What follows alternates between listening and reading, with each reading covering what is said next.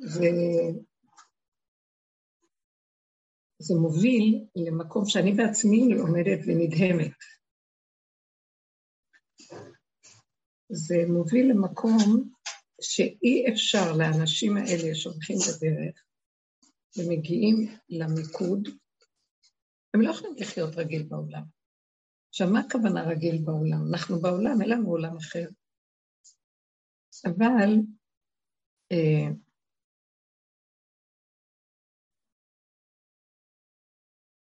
זה כמו שאנחנו נמצאים, הדרך מובילה אותנו לליבה של האטום. מה זה האטום? אתם שמים לב, הוא נקודה אה, של אנרגיה אה, צפופה מאוד וקטנה, ננו של הננו, כאילו אי אפשר להגיד היא, וממנה הכל פועל. והחוק שלה הוא שהיא חייבת להישאר בצמצום הזה, על מנת שזה יפעל. היא לא יכולה אה, ללכת על הגדול. כל העניין של האטום, שהכוח שלו יוצא דווקא מהצמצום שלו, זה החוק שלו. הריכוזיות הגבוהה והצמצום שלו והקטנות של הקטנות. זה מאפשר את האור הזה שמחולל מהפך, מהפך בעולם, לטובה, בעזרת השם. אז זה כאילו, זה מה שמזכיר לי. אני רואה, תקשיבו, זה לוקח לי קצת זמן למקד את עצמי ולנסות להסביר את זה במילים שלנו בעולם. אני רואה שאני אה, לא יכולה להיות בעולם רגיל, כמו שפעם הייתי. כלומר, יש עולם פנימי לכל אחד, וחוץ מזה יש עולם חיצוני, והוא נע בין הפנים לבחוץ במין רצו ושוב, ומסגל לעצמו, וכל אחד תלוי בדרגתו. יש כאלה שהם בכלל בהחצנה של הבחוץ, ויש כאלה שיותר מופנמים. אבל אנחנו בעבודה שלנו דווקא שילבנו את הבחוץ והבפנים. הבחוץ היה אפשרות של המראה, כדי שדרכה, כדי שדרכה נוכל אה, להסתכל בנקודות הפנימיות, כי הם הבחינה של התשקיף. אחרי שלקחנו את הנקודה הפנימית, הבחוץ כבר מתחיל להיות אה, העבודה על ממנו ניקח לעבוד את השם כבר מיותרת.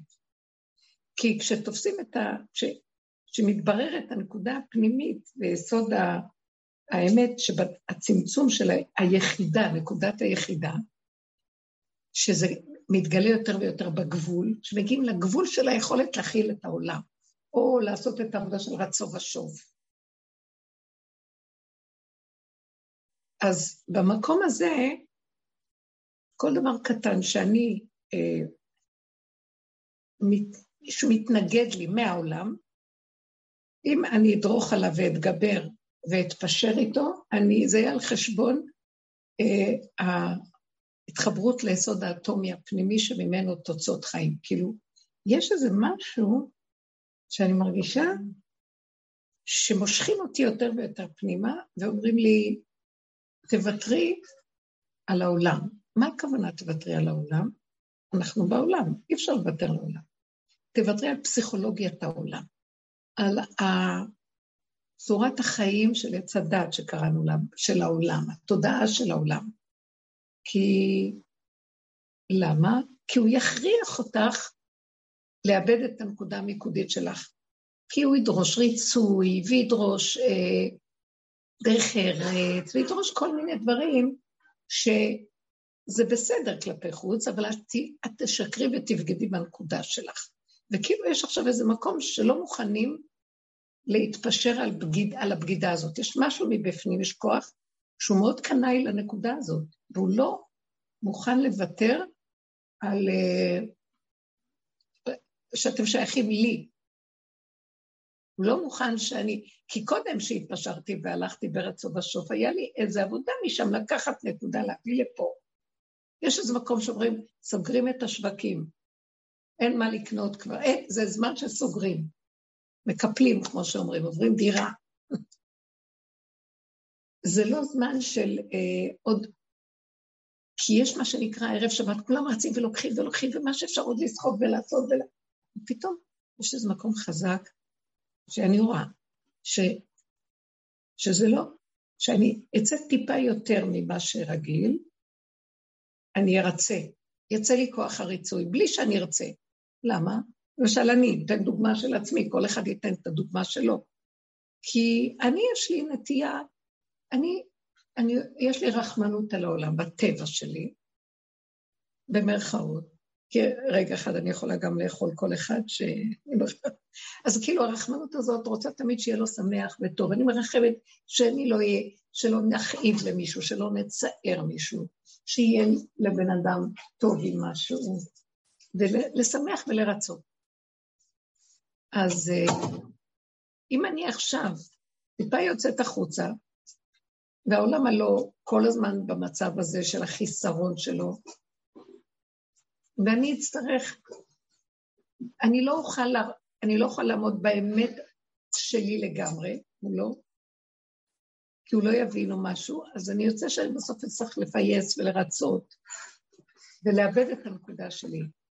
ואז איזה כוח פנימי אומר לי, לא, לא, את חייבת לוותר. למה? את חייבת לקנות קניין בנקודה של האמת של עצמך, האמת לאמיתה. שזה יהיה לך קניין שמה. ששמה אה, זה לא דפוס העולם הרגיל והחשיבה שלו. שמה לא צריך להתאמץ בשביל להשיג משהו. שמה אין סימני שאלה, למה, כמה, איך, כמו תודעת עץ אדם. שמה זה מקום שאין לו, אין לו מטרה. תקפו את הנקודה שאני אומרת לכם. מה זה אין לו מטרה? לא עושים כדי להגיע למשהו. שמה איך שזה קיים, ככה הכל קיים. זאת אומרת, החשיבה שבעולם מושכת אותי עוד פעם לחזור לדפוס החשיבה. כמו שאם אני אצא לעולם וזה, ואז למשל היום, היה לי איזה משהו ש... אני לא רוצה להגיד את זה כאן, שעלה השר איתמר בן גביר להר, והיה לי איזה, היום אה, עשירי בטבת, ואני לא התכוונתי, לא היה לי מחשבה לענות, אבל פתאום היה לי קנאה. מה זה? אני כל הזמן, אני... ואז ראיתי שיצאתי טיפה החוצה, ופשוט אה, ראיתי משהו, אז זה עורר לי את הנקודה הזאת, ואז אה, החקיינות והנקודה של, גם אני, אתם מכירים את זה? גם אני, גם אני. וראיתי את השקר הזה, כי זה לא רק שעמדתי ליד הדלת ואיזה עשר דקות שלא ידעתי, זה לא קרה לי המון זמן, אם אני אלך או אבוא או לא, או כן, וכבר היה מאוחר, כי יש זמנים שעולים. ואז נעצרתי ואמרתי, מה קורה לך? ואז עלה לי גל של קנאה. למה? פתאום הוא נהיה מפורסם וכולם, וחשיבות יש, ולא יודעים ש... ופתאום קנאה. לא יודעים שאני מהראשונים, ואני... ואני, ופתאום ראיתי איך גלשתי לשכל של העולם, בשניות. שכביכול זה קנאת סופרים, תרבה חוכמה, זה ערך כזה, אז קנאה טובה. ראיתי, לא, זה לא המקום הנכון. חזור לאחוריך. ואז היה לי את הרגע של הקנאה, אמרתי, איזה מין עולם זה? ברגע אחד מישהו עולה, איזה כבוד מקבל איזה פרסום וזה, ואנחנו את החיים עזרנו בכמה שנים, בכמה עבודה, ותמיד בחושך, וכלום אין לנו לא כבוד ורק ביזיונות, ואיפה זה ומה? זה עורר לי את הסערה של החיים, אמרתי לו, טוב מותי בחיי. המחשבות האלה היו קשות. זה אולי גם בהשפעת י"ב טבת, שזה גם יום כזה של נכאות. ואז לא הסכמתי, כי בנקודה הפנימית זה מקום שאינו תלוי בדבר. זה, זה אור יקרות של שקט, שלווה, אחדות. לא צריך להתאמץ לשום דבר. הערך שאת רוצה לרוץ אליו שם, הוא נמצא בתוכך לפנים בשקט והכל טוב, ולא חסר דבר. וכל ההתרחבות שבתוך העולם זה כתוצאה מעץ הדת שלוקח את הערך העליון לשכנות תדרשו. ועושה את זה במקום ורחוק, וזה בסדר, זה חשוב, אני לא באה להגיד, אבל זה משהו שאם יעיב עליו איזה נקודה של איזה טבע, תכונה בטבע, שהיא מתאימה לעולם, אני ישר יוצאת מאותה מקום, נקודת קודש, אז זה כבר לא שווה.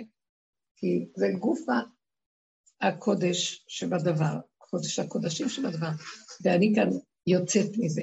זאת אומרת, אני רואה שהמקום הזה של העולם, בשנייה מוציא אותי מהנקודה של ההתחברות ליסוד שתמיד קיים, ולא צריך לעשות, שימו לב לנקודה החדשה שאנחנו מדברים. אין לך ריקוד. מה הנקודה החדשה של המקום המקדש? שלא צריך להתאמץ, הכל נמצא שם. אין מטרה, אין יעד. הכל, מה שעכשיו, רגע, נראה לך, תעשה ככה ותיקח, הנה זה שם. זה לא, זה לא שם, זה פה. בפיך הוביל בבך לעשות טוב. ורגע שאני בוגדת בנקודה הזאת ויוצאת החוצה, אני נדבקת בצרת העולם, והעולם כבר גונב את הנקודה.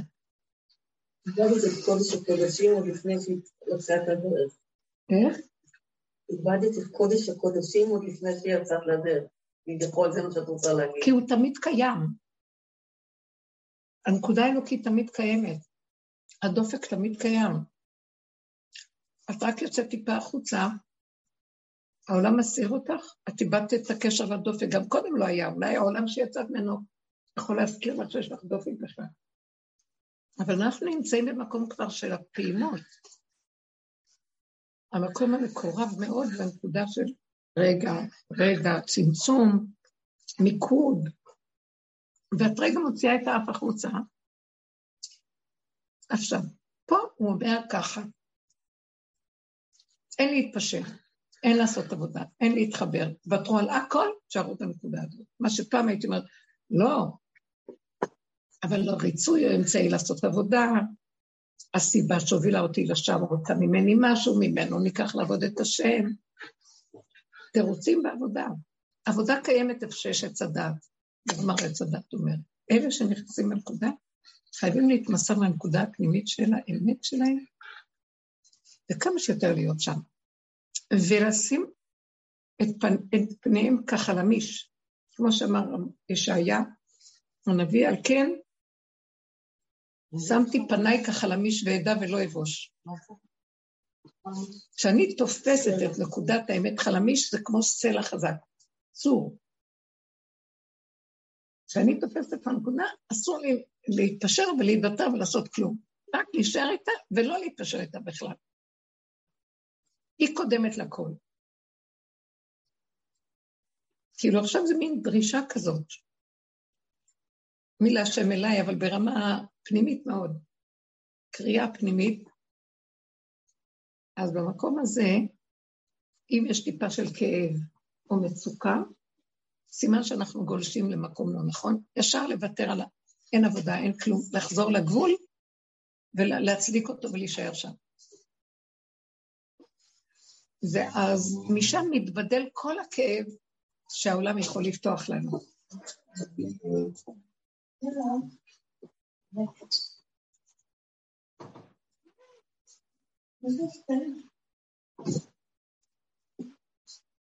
אתם הבנתם, הן שכנות, והן באו לכאן, והן מתפעלות שהן רואות אחת את השנייה.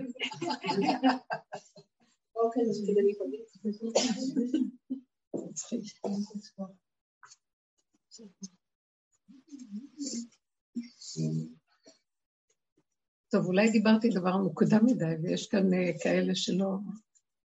לא יודעת, אולי תפתחו את זה אתם. אם תפסתם מה אני אומרת פה. אני, אני רוצה להגיד ש... עוד פעם, כל אחד במקום שלו, אבל במקום שלי אני ממש שמה במילים את מה שחוויתי בשבוע האחרון, שמתי לב לזה ממש. כן. בנקודות קטנות ב...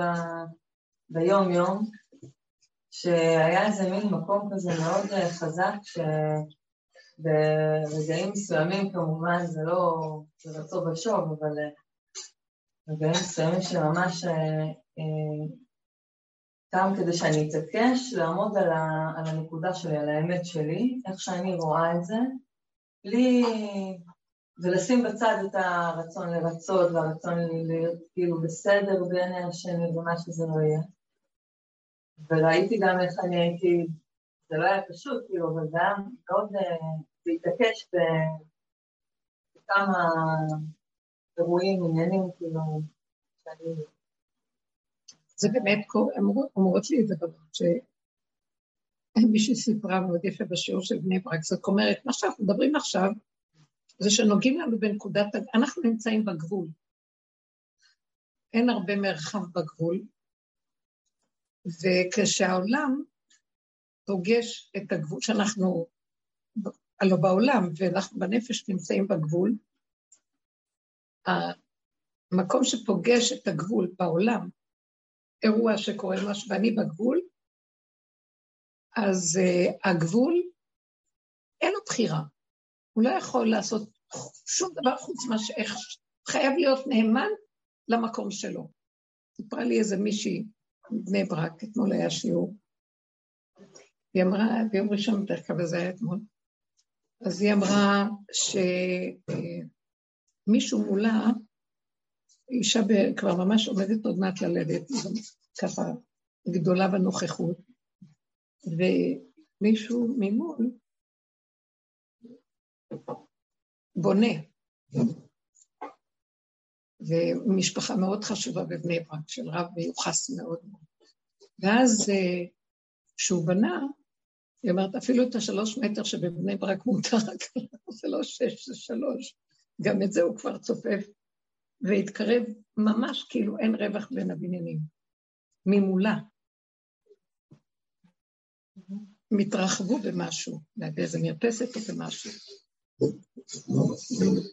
ואז היא יצאה לרגע, היא לא האמינה למראה עיניה. היא אומרת, אני, היא כל כך גבולית, היא אומרת, הלכתי הביתה, היו שם איזה עשרה פועלים ערבים, הלכתי הביתה, חיברתי את הצינור של הגינה, גרה בקומה גם שיש שם גינה, צינור גדול, לקחתי את הצינור, התחלתי להשפריץ עליהם, ככה, כמו שאדם יורה על השני, זרנוק חזק של מים, והם נבהלו. ויצאה בעלת הבית, היא גם השפריצה עליה. המשכנה שלך יצאה דווקא ככה, זה היה לא שפוי. והיא צעקה, אתם לא תבנו בתוך, לתוך חדר השינה שלי, אתם לא תבנו פה. ואז התחילה לצעוק, ומה אתם חושבים, שבגלל שאתם מיוחסים משפחה מיוחסת, אז ירשו לכם, יצאו לה כל מיני דיבורים שהיא אומרת, היא באה לשיעור לספר את זה, והיא אומרת, הייתי, לרגע נעצרתי ואמרתי, וואי, מה יוצא ממני? אה, מישהו אחר מאשפזים אותו אולי, אבל היא אומרת, היא הייתה כל כך חזקה עם הנקודה שלה, שהיא בשום... עכשיו, הם הביאו שוטר, היא גם מעיפה לה, היא אומרת לו, גם אתה לחתום. יש לך משהו להציע כשאתה בא? מה אתה באת לעשות? לא, אין לך שום דבר לעשות פה. אז הוא נבהל. היא הייתה כל כך חזקה באמת שלה, שכולם התקפלו מולה. הגבול כל כך דיבר חזק, היא אומרת, אפילו לא היה לי טיפה של חרטה או איזו מחשבה כלום, רק זה מה שאני ואני לא יכולה אחרת, וזה בשום אופן לא יקרה פה. חזק חזק ברמה... אה, אז היא אומרת, הפעם זה ההורמונים עשו לי את זה, אבל הייתי רוצה שכל פעם זה יקרה. זה כאילו חזק חזק. ואז כשהיא אמרה ככה, אמרתי, זהו, את רואה, זאת הנקודה. להרבה כאלה שהתקשרו אליי, הגבול מאוד היה חזק. והיא צעקה ואמרה, אני, אין פה, אין פה שמיים בבני ברק, אין פה שמיים. אין כאן יראה, כל אחד מה ש... וזה הכל כאילו לא נעים וכן נעים ולא... זאת אומרת, אני אפסיק עם זה, אני לא מוכנה, אם לא, אני בורחת מפה, זה סדום, אני לא, לא מוכנה להישאר. האמת שהיא חוותה בגבוליות שלה, זה לא היה מקום שאפשר להתכסות או להתפשר או להתנקק ולהגיד ולהסביר כלום. ככה וזהו, פה לא, נקודה. זה אבל. המקום של הגבול עושה את שלו, אבל אנחנו לא רוצים להיות שם מול העולם. מה הפירוש שאנחנו לא רוצים להיות שם? אה, אני, הגבול שם מתגלה נקודה אלוקית, אבל אני לא רוצה שזה יהיה מול העולם, כי העולם יחטוף.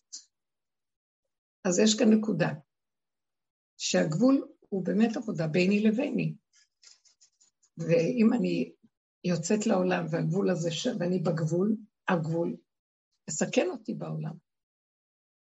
אז אני צריך מאוד מאוד להיות חזק בנקודה הפנימית שלי, מבלי יותר מדי להתראות. לא חייב לדבר, לא חייב להגיד, לא חייב כלום. אבל חייב להיות חזק עם הנקודה שלי, בלי, אפילו בלי תגובה, רק לא וזהו. נקודה חזקה פנימה. יכול להיות שגם יצא החוצה מה שיצא. אבל בסופו של דבר אני רואה שזה המקום שאומרים, אה, אז אה, אי אפשר ההתייחסות לעולם הרגילה כמו שהייתה קודם במקום החדש. עכשיו, זה לא אומר שנסגור עולם ונלך מפה, לא. רק לא נתפשר עם השקרים החברתיים והמשפחתיים וכל המצב הזה, ולא נגיד, טוב, אבל אי אפשר, אבל כן אפשר עכשיו. אני, מה שיצא לי יצא, מה שלא יצא אני אשאר בתוך עצמי, אני צריכה להיות נאמנה לנקודה שלי.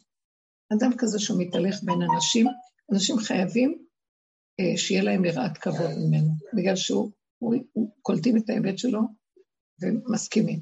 זאת לא שהם מסכימים או לא מסכימים, אין להם ברירה, זה ככה זה.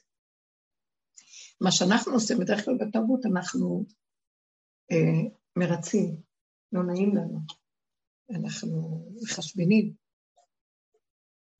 ומאבדים את הנקודה שאפשר להתפתח בה באמת.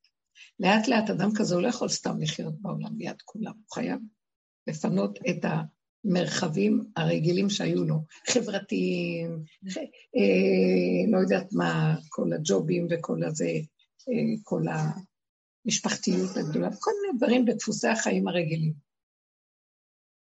זה, כל, זה כאילו אומר יותר ויותר צועק, בואו פנימה, מי להשם אליי.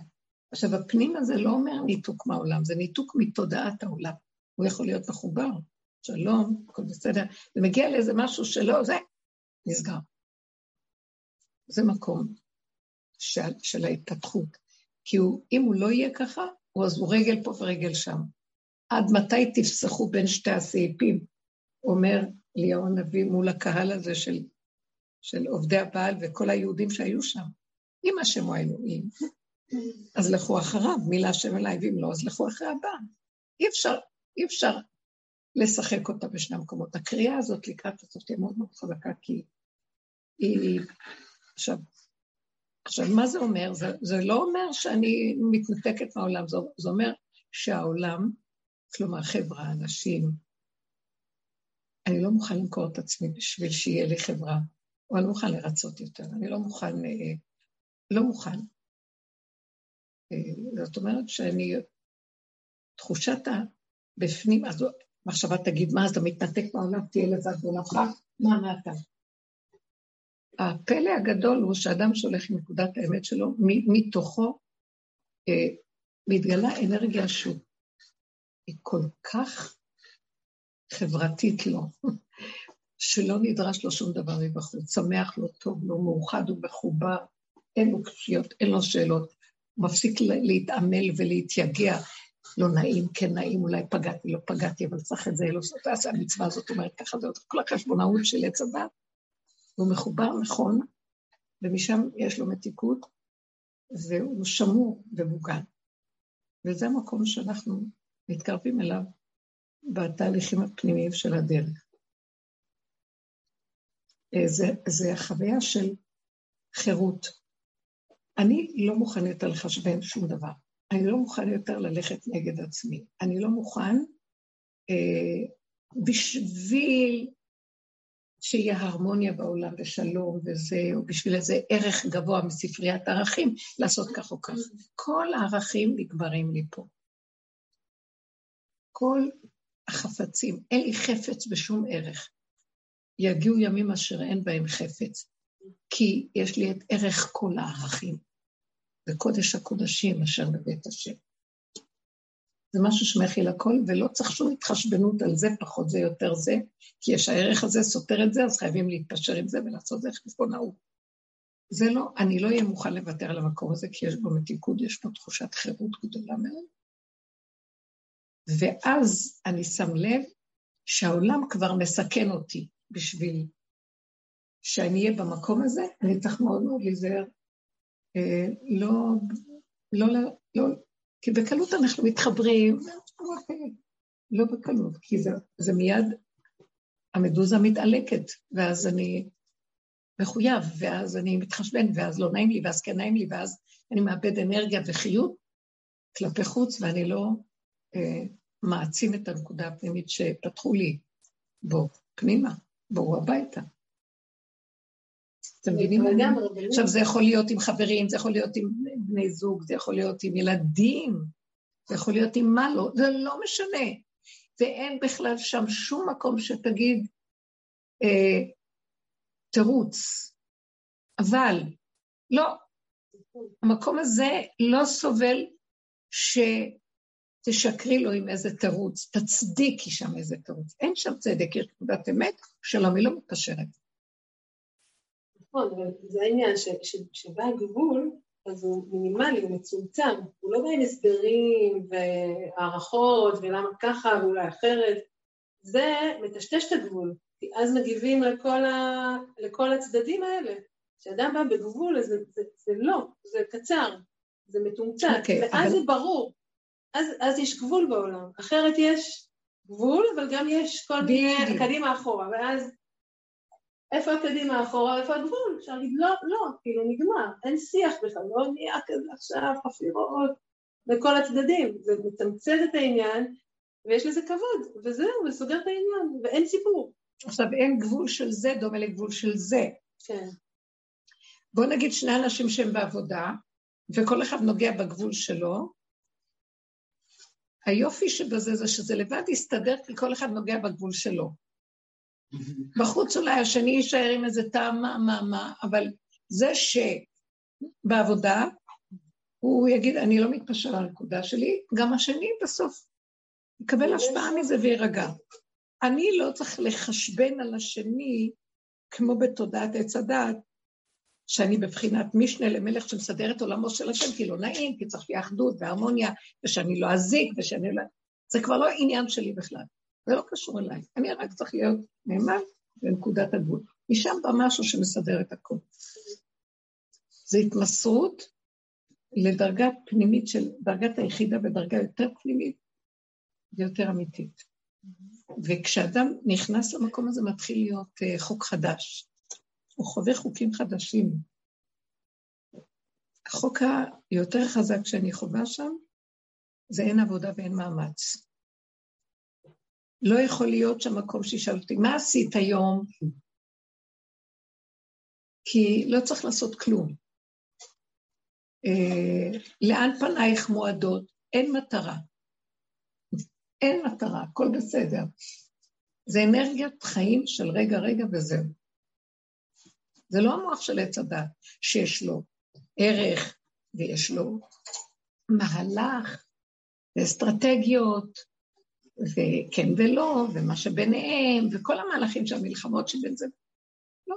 ועמל ויגיעה ועבודה. אין עבודה. אין עמל, אין הגיעה, אין כלום. אין לאן ללכת, ואין לאן להגיע, ואין למה לשאוף. כי הכל נמצא באותו רגע, מה שאתה צריך, בוא וכך. נגמרת התודעה הזאת של קודם, וזה דבר מדהים. כדאי להעצים את המקום הזה עכשיו.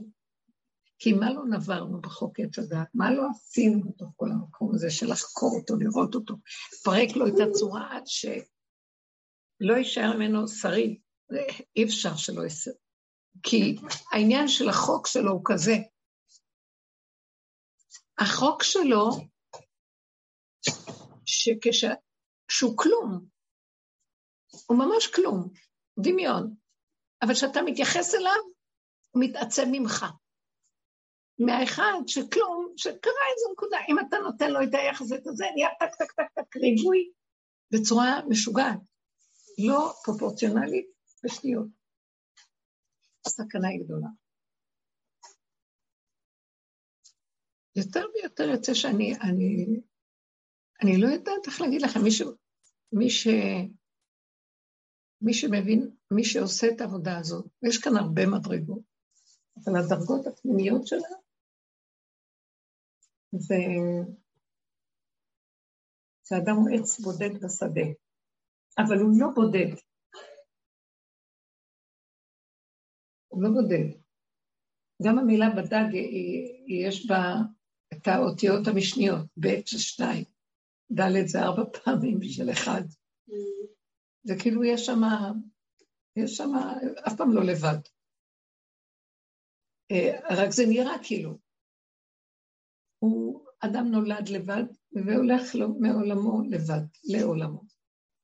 אבל הוא לא לבד, הוא באמת לא לבד. והוא צריך לגלות את זה לא כאשר הוא יוצא מן העולם, שהוא בעולם, הוא צריך לגלות שבכלל הוא אף פעם לא לבד. שכל האנרגיה שזורמת דרכו וכל מציאותו היא לא שלו בכלל, זה משהו שבתוכו, והוא ו... והדבר הזה, אחדות קיימת כל הזמן, אין הפרדה ואין מחסור, אין היעדר. מה שהדעת שלנו ישר אומרת, אם לא יהיה זה וזה, אז איך? אז אני אהיה לבד, ואז יש צער ומצוקה. ואז אדם רץ לרצות ולהתחנף וליצור לו איכשהו, ובעל כורחו והתפשרנות ומה לא, ומאבד את נקודת זה. איזה מקום עכשיו של דיוק יותר גבוה. אולי יש לכם משהו להגיד עד כה?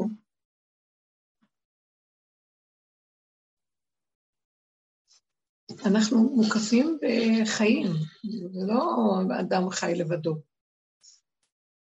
אבל בתוך החיים שאנחנו מוקפים, במבנים השונים, זה עכשיו המיקוד. אם יצא, יצא. ואם לא יצא, ואני רואה דבר לפני, אני צריך לקחת בחשבון שחיי קודמים במרכאות, ולמעני למעני אעשה, וקודם כל אני. זה דברים, זה לא אנוכיות, זה גוף העיקר הקיום שלי, שכל הזמן אני דורך עליו ועף מעליו, ומחשבן כל החשבונות, רק הבסיס שלי, אין לי חיבור איתו. שמשם כל החולאים והצער שיש לנו בעולם. והדבר הזה חוזר. בסופו של דבר, אני רואה שכל הריבוי הזה, שאנחנו יושבים עליו במוח כמו עם ישראל, ערך כזה, ארץ ישראל, או צדיקים, שזה ערכים גדולים. מתגנב מליבי ההכרה המדהימה, שבסוף זה מתנקז ישר לבן אדם אחד. אני, זה האדם עצמו. הוא הבחינה של ארץ ישראל, הוא הבחינה של הצדיק, הוא הבחינה של התורה, הוא הבחינה של כל מה שיש מבשרי. אם הוא מתקיים ברמה הזאת, אחד כזה שווה להשם את כולם. אחד יניס אלף ושתיים על דבר. וזה מה שהוא רצה כשהוא ברא את האדם הראשון, אדם אחד בעולם הוא ברא. שהוא יספק לו את כל מה שצריך בזמן מסוים, וזהו. וכל הריבוי שהתפשט כתוצאה מחטא עץ הדת, אה, המטרה בתיקון שלו, שזה עלילת הדברים, להביא את הריבוי הזה של עם וממלכת כהנים וגוי קדוש לאדם אחד. כי אה, העם לא הצליח לעשות את מה שהיה הייעוד שלו. הוא לא הצליח. הריבוי הזה מפריע. נגנב בעץ הדעת. עם ישראל חי וקיים. אבל כמה איסורים, כמה תלאות, כמה גלויות, כמה כאבים, כמה מאבקים, ועד היום הכל סוער ומעורבב ולא ברור.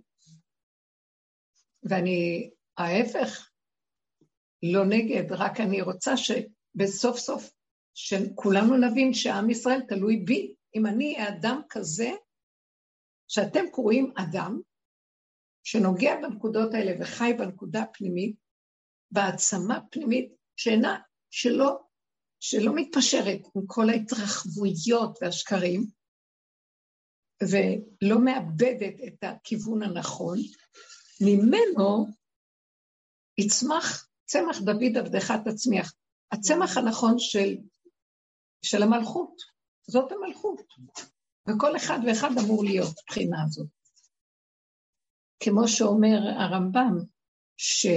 שיש כהנים שעובדים את השם. הבכורות היו עובדי השם, אחר כך הם חטאו, מעשה העגל, אז נהיה הכהנים, משפחת הלוואי, הלוויים והכהנים. ואז הוא אומר, אבל הרמב"ם אומר, וכל אחד ואחד שנדבו ליבו להגיע למקום הזה של עבודת הכהן והלוי, אז הוא, הדרך סלולה לפניו. זאת אומרת שזה ניתן כרעיון כללי, למקד, אבל בסופו של דבר כל אחד יכול להיות בנקודה הזאת, ומאחר והחזון לא מופיע מכל הריבוי הזה, אז הוא יופיע מהאחד. וזו העבודה הפנימית שאנחנו עושים, שאדם לא יתפשר ויגיד, אבל אני מאבד את החברות, אני מאבד את המשפחתיות, אני... אנחנו לא מאבדים שום דבר, מאבדים את השקרים ה... שאינם פוסקים ומתרחבים בלי גבול ומידה, ומתסכילים ומפילים את הכל, הכל כאילו, ומאבדים את הנקודה שהזהות שבשבילה נעשתה כל העבודה הזאת של הפירוק.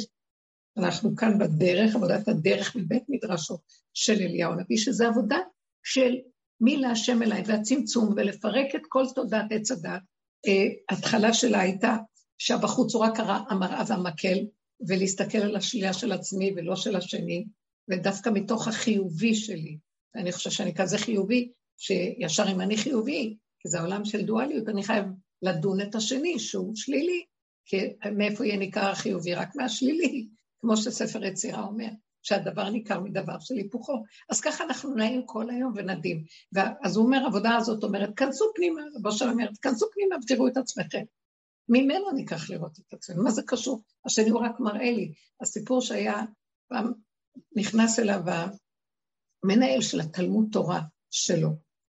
הרב גורסטיין היה מנהל תלמוד תורה של רב אושר, והוא אמר, רב אושר, תשמע, יש לנו איזה ילד שהוא גונב בתלמוד תורה, הוא גונב. ומה שלא ניסינו לעזור לו, הוא לא, הוא לא, הוא לא, כל הזמן מוצאים אותו גונב, אז אני לא יודע, אני חושב שאנחנו צריכים להוציא אותו מהתלמוד תורה. אז רב אושר שמע את זה, אז הוא צועק, אוי, יצילו גבעל, והתחיל למרות את שערות ראשו וזקנו ומה לא. והוא אומר, אוי ואבוי, אוי ואבוי, אז הוא אומר מה, רב אושר? אז הוא אומר לו, תשמע, אם הילד הזה גנב, ואתה מנהל התלמוד תורה, ואני המנהל של כל המוסדות, אז אני הגנב הראשי. כי שלחו אותו רק להראות לך מי אתה, ואחר כך להראות לי מי אני, אני בעצם אחראי יותר מכולכם. התחיל לצעוק, אני גנב, אני גנב. והוא לא זז משם, הוא אמר לו, בוא נפשפש ונראה, מה, איפה הגניבה שלנו? אנחנו רוצים לסלק אותו ולהיות, ונשאר בסדר עם עצמנו? הלוא שלחו את כל הסיפור הזה לאור, זה היה היסוד של כל העבודה שעשינו. ממנו, מבחוץ, ניקח להתבונן ולהסתכל. עדיין בתודעת עץ הדת. דומה ודומה נתקן. מהמקום של הילד הזה, שזה דומה, זה גנב, אבל הוא בא להראות לי את עצמי, מה אני עכשיו אסלק אותו, יבואו עוד עשרה גנבים, מה? אני אסתכל על הגנב שלי. טוב, הסתכלנו על הגנב שלנו, כבר לא אמרנו השני, השלישי, הרביעי, גם אמרנו וחזרנו ונפלנו וקמנו ועוד פעם ועוד פעם, עד שהצטמצמנו פנימה, באמת אני הגנב. ואחרי כמה זמן, וכמה נשברנו, מה אני גנב? כן, היה לי ברור שאני הגנב. הגעתי למסקנה, אני הגנב. טוב, אז את רוצה לתקן את זה, נכון? כי זה עולם התיקון, לא? תודעת עץ הדעת. אין תקנה, נשארתי, נולדתי גנבת ואני אמות גנבת. זה לא משנה, זה לא לחשוד שזה גנבת חומר, אבל גנבת דת, גנבת רגש, גנבת אה, שטיקים וטריקים רגשיים, נפשיים, כולם גונבים את הכל. וגם חומר נגנב. אז בסופו של דבר, ראיתי שאני לא יכולה לתקן לא כלום, זה לא נגמר, אז רוצים לברוח מהעולם? אומר, לא, לא תהיה גבורתכם, אין לברוח מהעולם, אתם חייבים להישאר בעולם. אז מה אני עושה עם הגניבה? הכריח אותנו לבוא ולהכיר שככה אני וזהו זה, ואני נשאר עם הפגם ואני נכנע ומקבל. אדם כזה שמצטמצם פנימה ומכיר את סכנתו ואת פגמו, אה, אז הוא כבר נזהר לא להיות לו בעולם כאילו סחבק בעולם, כי הוא מפחד מעצמו, הוא יודע שיש בתוכו, כמו שדיברתי קודם על הריצוי, ישר אני ארצה ואני ארחם, ואז אני אאבד את הנקודה שלי, וזה דרגות על דרגות. אז התחלנו להשלים עם זה שאנחנו כאלה, רק מה, נהיינו קטנים ועייפים וחלושים מרוב עבודה של התבוננות. כבר לא היה לנו כוח, אז כבר במילא אנחנו לא חשודים שנתערבב עם העולם, כי אין כבר כוח. כי כל פעם שאני אתערבב, עוד פעם זה יקרה לי. אז האדם הזה נהיה מצומצם, וקרוב פנימה לגבול שלו, וזו המטרה של כל דבר. להיכנס לגבול, ובגבול לעמוד מול השם ולהגיד זהו. בית הדין דן את האדם בתודעת עץ הדת, צור מרע ועשה טוב. מותר ואסור, עברת על המותר, על האסור אז אתה עושה דבר לא טוב, וכן הלאה כל היום.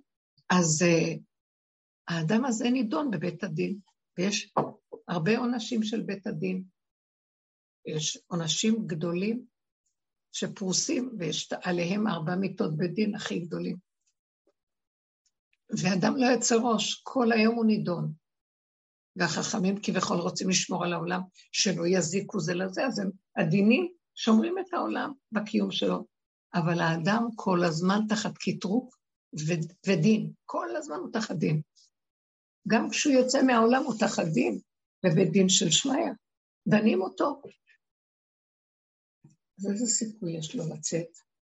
כשהוא עושה עבודה כמו שאנחנו עושים פנימה, מתחיל לדון את עצמו ולשפוט את עצמו, הוא פותח בית דין בתוך עצמו, האדם הזה כבר במקום אחר. כי הוא דן את עצמו מה שהשני בכלל לא ידון, הוא לא רואה את עצמו השני. אין אדם רואה נגיע עצמו, אבל זה שרואה את נגמי עצמו מבחוץ, השני הוא המראה ומקלעות לו. אז הוא כל הזמן דן ושופט ודן, עד שהוא בסוף אומר, אני לא יכול לדון. והוא עומד לפני השם ואומר, ריבונו שלום, אין מתום מבשרי מכף רגל עד ראש, כולי חטא בפשע, ואני לא יכול אחרת. אני אצא רגע לעולם, אני פושע. מה אני יכול לעשות? אז מה את רוצה שאני אעשה? להחליף את העולם אני לא יכול. להישאר לבד אני לא יכול. אני רק בידך אפקיד רוחי. אני עולה למדרגה אחרת של היררכיה. אני כבר לא במקום של בית דין. אני במקום של בית דינו של השם. אחת הבנות שלנו באחד מהשיעורים, אז אימא שלה, סיפרתי את זה, אימא שלה, היה לה אירוע מוחי, ואז היא איבדה את ההכרה והטיסו אותה לבית חולים, והבת עומדת ליד האימא בצורה אחת צועקת. איזה יומיים ככה זה היה הרימה אל הטלפון, ואומרת לי, מה, מה אני אעשה? היא הייתה בהיסטריה גמורה. והיא כאילו הבת העיקרית שמטפלת בה. ואז אה, אמרתי לה, מה, מה, ההיסטריה שלך היא לא טובה, כי זה בטבע. את כאילו נבהלת שאימא שלך במצב הזה, ובמצב שהרופאים אומרים, סופני. ואת מאוד מבוהלת, זה באופן טבעי, זה ברור. אז אמרת לה, תשמעי רגע, אבל אנחנו בסוג עבודה אחר. רק לפני כמה ימים אמרת לי שרבתי איתה ואין לך, שנאת אותה לגמרי.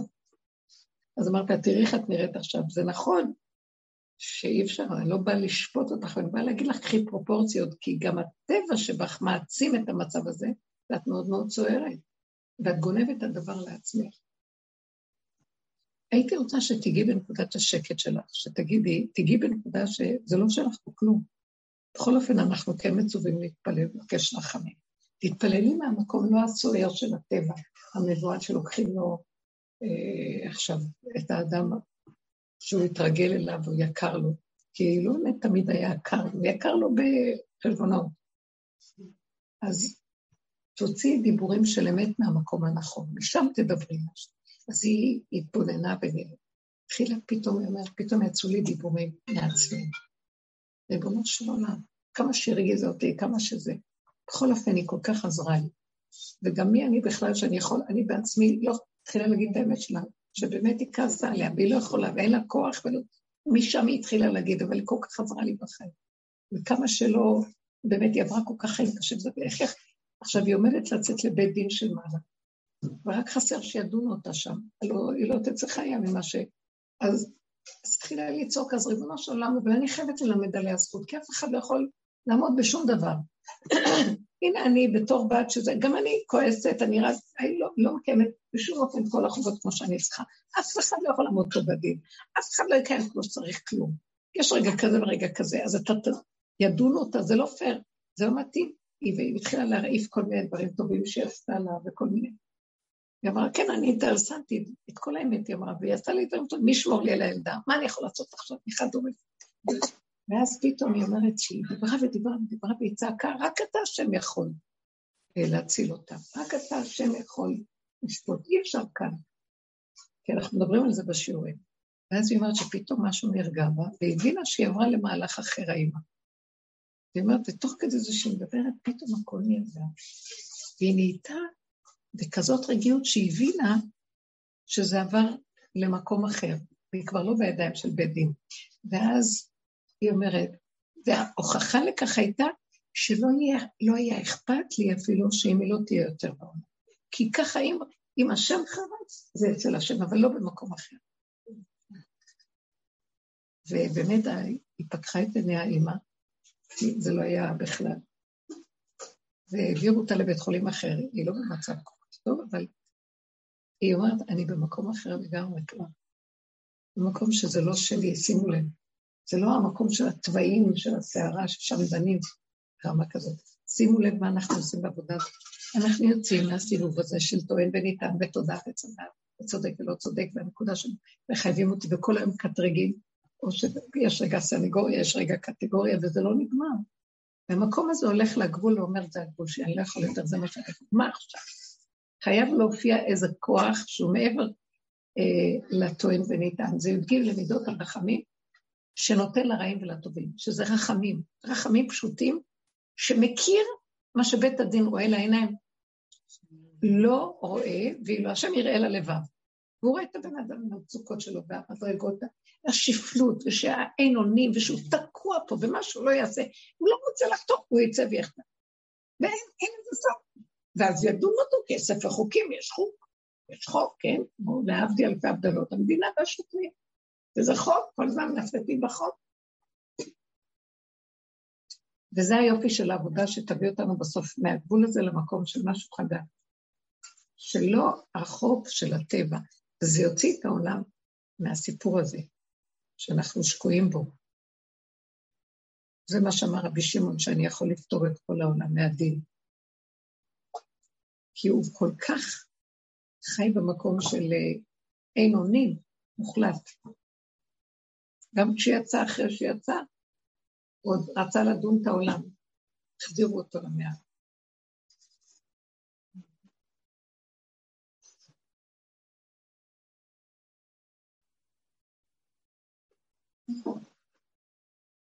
וניגע במקום ש... המקום הזה שאני מדברת עליו, זה לא שבאתי להגיד עכשיו בוא נשפוט את העולם ולא סופרת את העולם, אז אני אכנס לתוך עצמי וזהו. לא. המקום של האמת לאמיתה, הוא לא יכול להיכנס לתודעת עץ הדת, הוא לא יכול להיות חבר שבירה של עץ הדת בשכונה הזאת. אז הוא נכנס פנימה, ומעצמו והגבול שלו יכול רק ללמד זכות על כל מה שזז, כי אי אפשר לחיות פה. פשוט, זה לא, הוא כועס על האנשים שאי אפשר לחיות אותם. הוא מזהה שאנחנו שקועים, ושאנחנו שבויים בתודעה שאין לנו אך ורע, אין, אין לה סוף. וזה בחינת משיח, שהוא גואל את העולם, המקום הזה, על ידי ההכרה של אין לזה סוף, לא דנים. אליהו הנביא עם כל האמת הגדולה שלו, הוא דן ושפט. והשם אמר לו, אז אתה לא יכול. זה לא יכול, אתה לא. אי אפשר, אסור לדון. כי השם יודע את האמת, שזה עלילת דברים, אנחנו תקועים פה. האדם הזה שיוצא ממנה, כי חייבים לצאת ממנה, כי אם נשאר שם, מה יעזור לזה ששבוי בתוך זה שכבר הוציאו אותו, שיחזור להיות שבוי? מרוב רחמים לא, אלא שירחם כאשר הוא לא, הוא לא נמצא שם. הוא יצא משם והוא נמצא במקום של סכנה להיות שם, אבל מתוך זה הוא יבקש רחמים. ימשוך את כל העולם במקום הזה. אדם כזה זה שווה לעם ישראל. אחד כזה בתוכו. תשאלו משהו, אני חייבת את הדיבור שלכם, כי אני לא יכולה... אני, היה לי כן. צריכה לאכול משהו.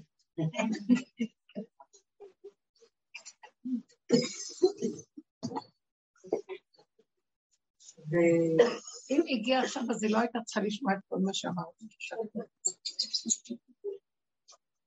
מה?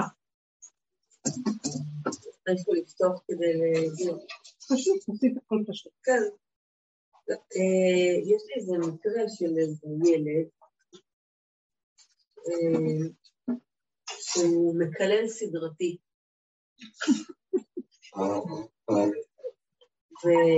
ילד במשפחה? לא, לא, לא. מהעבודה. ועכשיו זה כבר הרבה זמן, ואני עשיתי מלא, כאילו, הלב שלי, אה, למרות שזה ממש לא פשוט, והקללות שלו מסוגננות היטב, ו, וגם זה יוצא על, זה גם, אה, זה גם יוצא על אחרים, וזה רוב התוכן שהוא מעביר בזמן שהוא נמצא בתוך הכיתה, זה תוכן של קללות. זה... זה עדינות אני לא רוצה להגיד את השם שלו, לא, לא להגיד שם. לא, לא, זה דווקא זה, אבל אני לא אגיד. בכל אופן, לא, לא, בכל אופן... אה, מה רצית? לא, אני רציתי להעלות את העניין הזה, גם דיברתי על זה עם חברה מהדרך, כי אחרי הרבה הרבה הרבה זמן, אה, הוא בא ואמרתי לו, זהו, אתה לא יכול להיות פה יותר. זה היה כבר ממקום שהודעתי שזה לא, שאני לא יודעת מה לעשות, ואני כבר גם לא יכולה, לא יכולה לשאת את זה. מבחינתי אני לא רוצה, לא רוצה לשמוע את זה, ולא לא בצדקות, פשוט הרגשתי שאני, לא בא לי על זה יותר, בפשטות. וגם אה, שזה לא, זה לא נכון, זה גם לא פייר, זה כמו להיות בתוך זה זיהום אוויר בלתי נוסף. והוא לא רצה ללכת, ואז... אה, אז טיפלת בו. מה, לא, לא, לא חשבת על הנקודה שלו? לא, מה זה חשבתי? זה כבר הרבה הרבה זמן. זה כבר הרבה זמן בסיבוב הזה איתו. אני מעלה את זה כדי שתעזרי לי. תעזרי לו.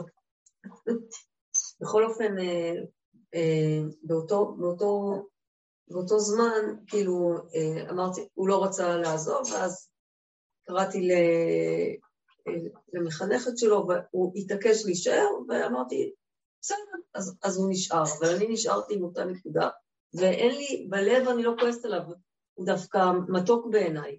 הוא רק מביא אותי ל... והרבה הרבה זמן אני גם, עוד לפני שמתחיל השיעור, עוד בבית, אני כאילו עובדת על הנקודה של החוסר אונים שלי מול, ה... מול התופעה הזאת, אבל אין לי... אז זהו, ו... ואז, אז אחד, שיתפתי חברה מהדרך, והיא עזרה לי, אה, היא, סיפרתי לה את זה, ואז היא אמרה, כאילו דרכה הבנתי ש, שבעצם הקללות זה, זה המקום הכי אמיתי שלו מול התודעה הנוראית הזאת שאנחנו חיים בה.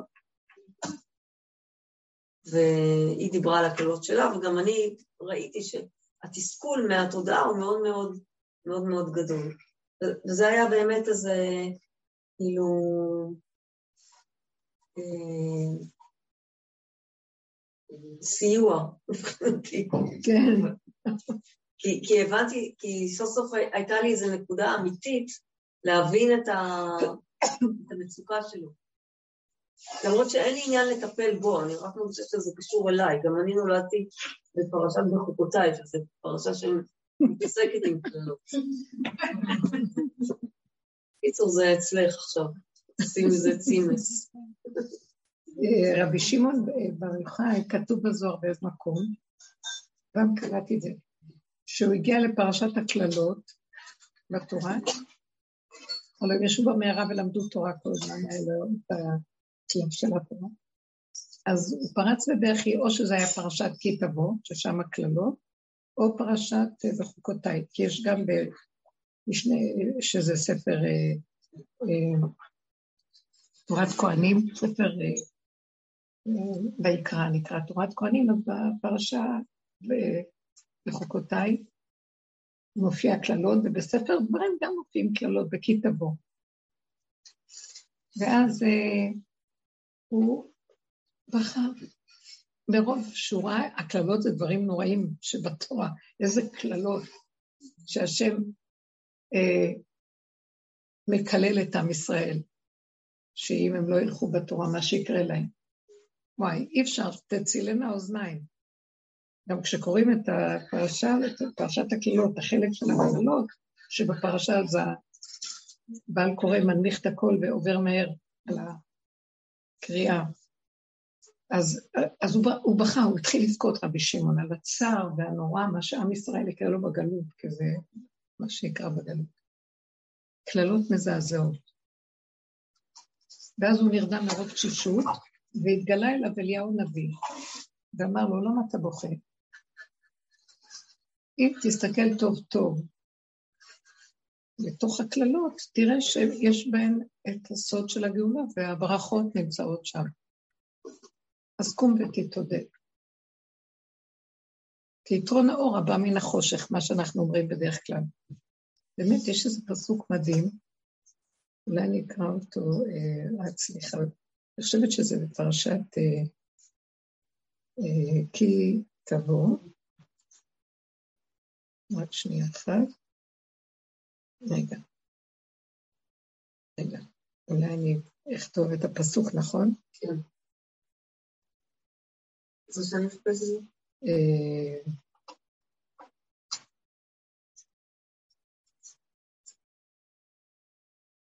התחלה, בואו נראה אם זה ייתן לי את הפסוק. דברים, כן. אה, הפסוק הזה, דברים כ"ח ל"א, מה שזכרתי, שורך תבוח לעיניך ולא תאכל ממנו, חמורך גזול מלפניך ולא ישוב לך. צונך נתונות לאויביך ואין לך מושיע. אם אנחנו קוראים את הפסוק הזה למפרע, כלומר מאחורה, אז uh, מושיע לך ואין לו אויביך, נתונות צונך לך, ישוב ולא מלפניך. גזול חמורך, ממנו תאכל, ולא לעיניך תבוח שורך. כאילו, אתה קורא אותו הפוך, אז אתה רואה את ה... אה, בעצם את הברכה ש... זה לא כמו שזה נראה שאתה קורא את זה מההתחלה. זאת אומרת, המקום הזה של מה שאנחנו רואים כלפי חוץ בתודעת עץ הדעת, היא תודעה שיש בה, על פי הפשט, זה נורא ואיום קללות כאלה. מה, מה אליהו בא להגיד לו? תסתכל טוב טוב ותראה. שהדבר הוא הכי גרוע שיכול להיות, משם, משם ייבקע האור החדש. זאת אומרת, אל, אל ת, תישבר. כשעם ישראל יגיע למקום הזה שגם עובר עליו פרשה את הקללות, משם כבר יתחיל האור להיבקע. זאת אומרת, זה בדיוק הנקודה של עבודת הפגם שעשינו בדרך. קחו את... אף אחד לא מסכים להיכנס לדרך שאנחנו עובדים בה, מלכתחילה, שהיינו מסתכלים רק על הפגם.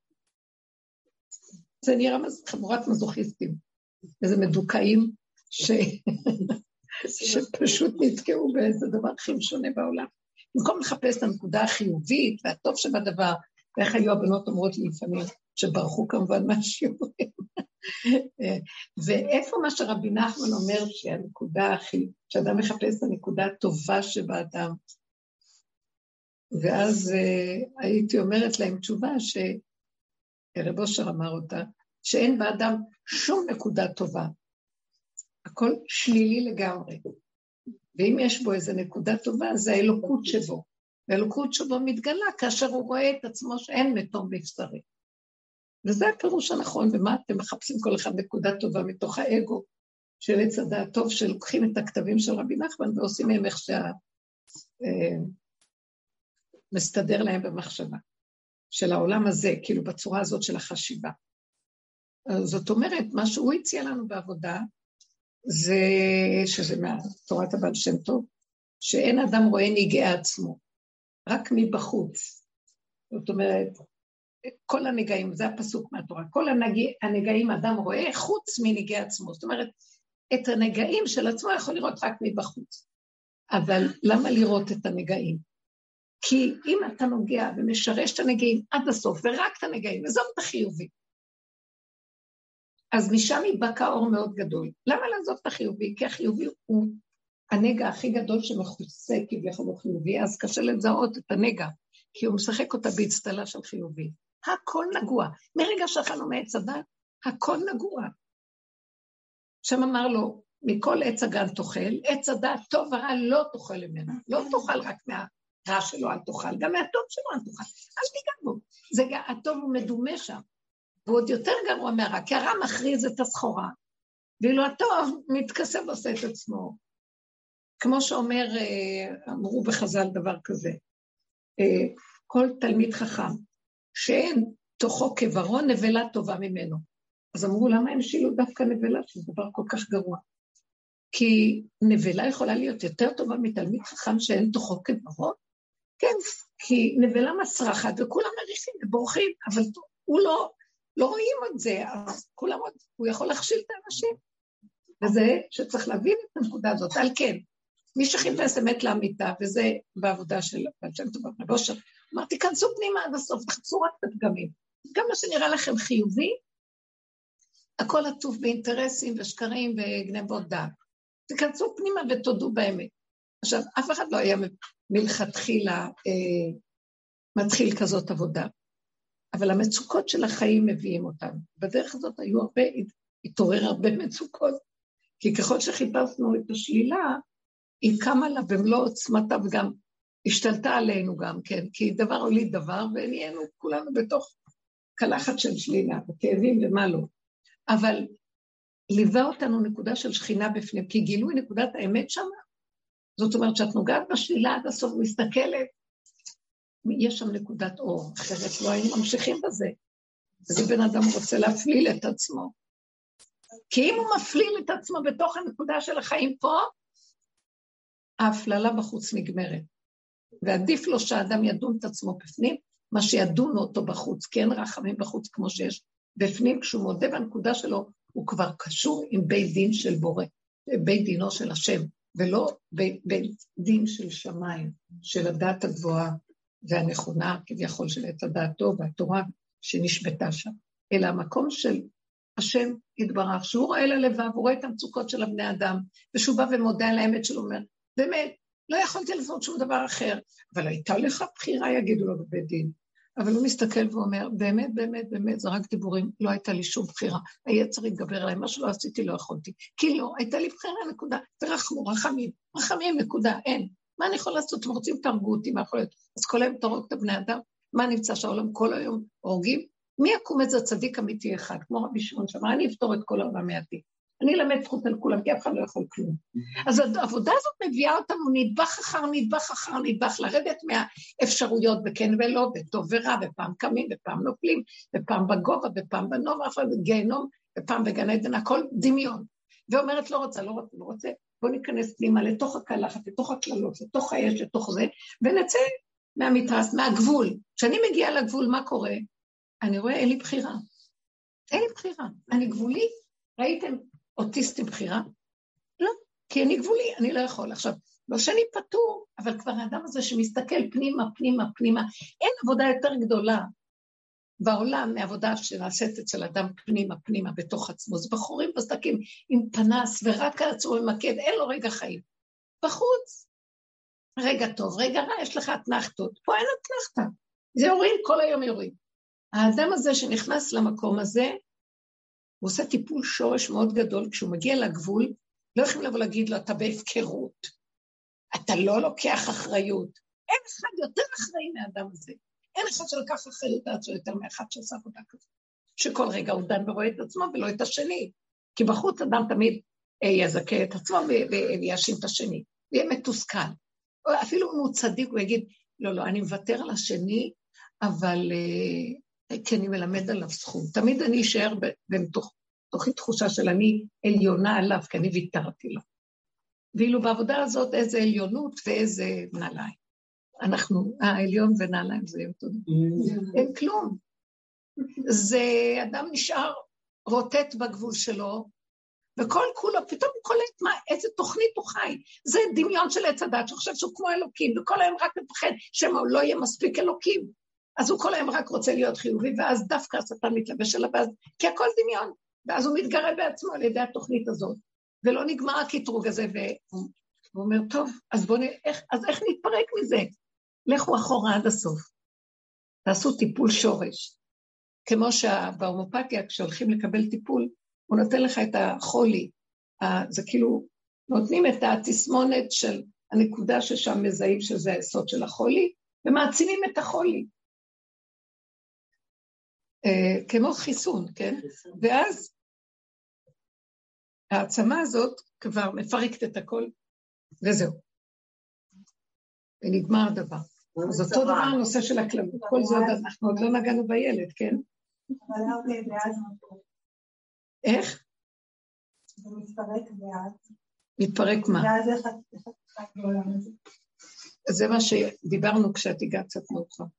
שאנחנו בעצם מגיעים למקום של אנחנו בגבול, ומי שעומד בגבול, הוא לא יכול להמשיך לחיות בתרבות העולם כרגיל. הוא חי את סכנתו כי הוא, כי הוא, לא, הוא לא בוחר להמשיך להיות בתודעת עץ הדעת טוב ורע בכל המשחק שלה והעולם, אלא הוא רואה את סכנתו כי הוא רואה את האמת שלו, שזה רק דמיון וריחוק, כאילו הוא יכול משהו, הוא לא יכול ואין לו בחירה.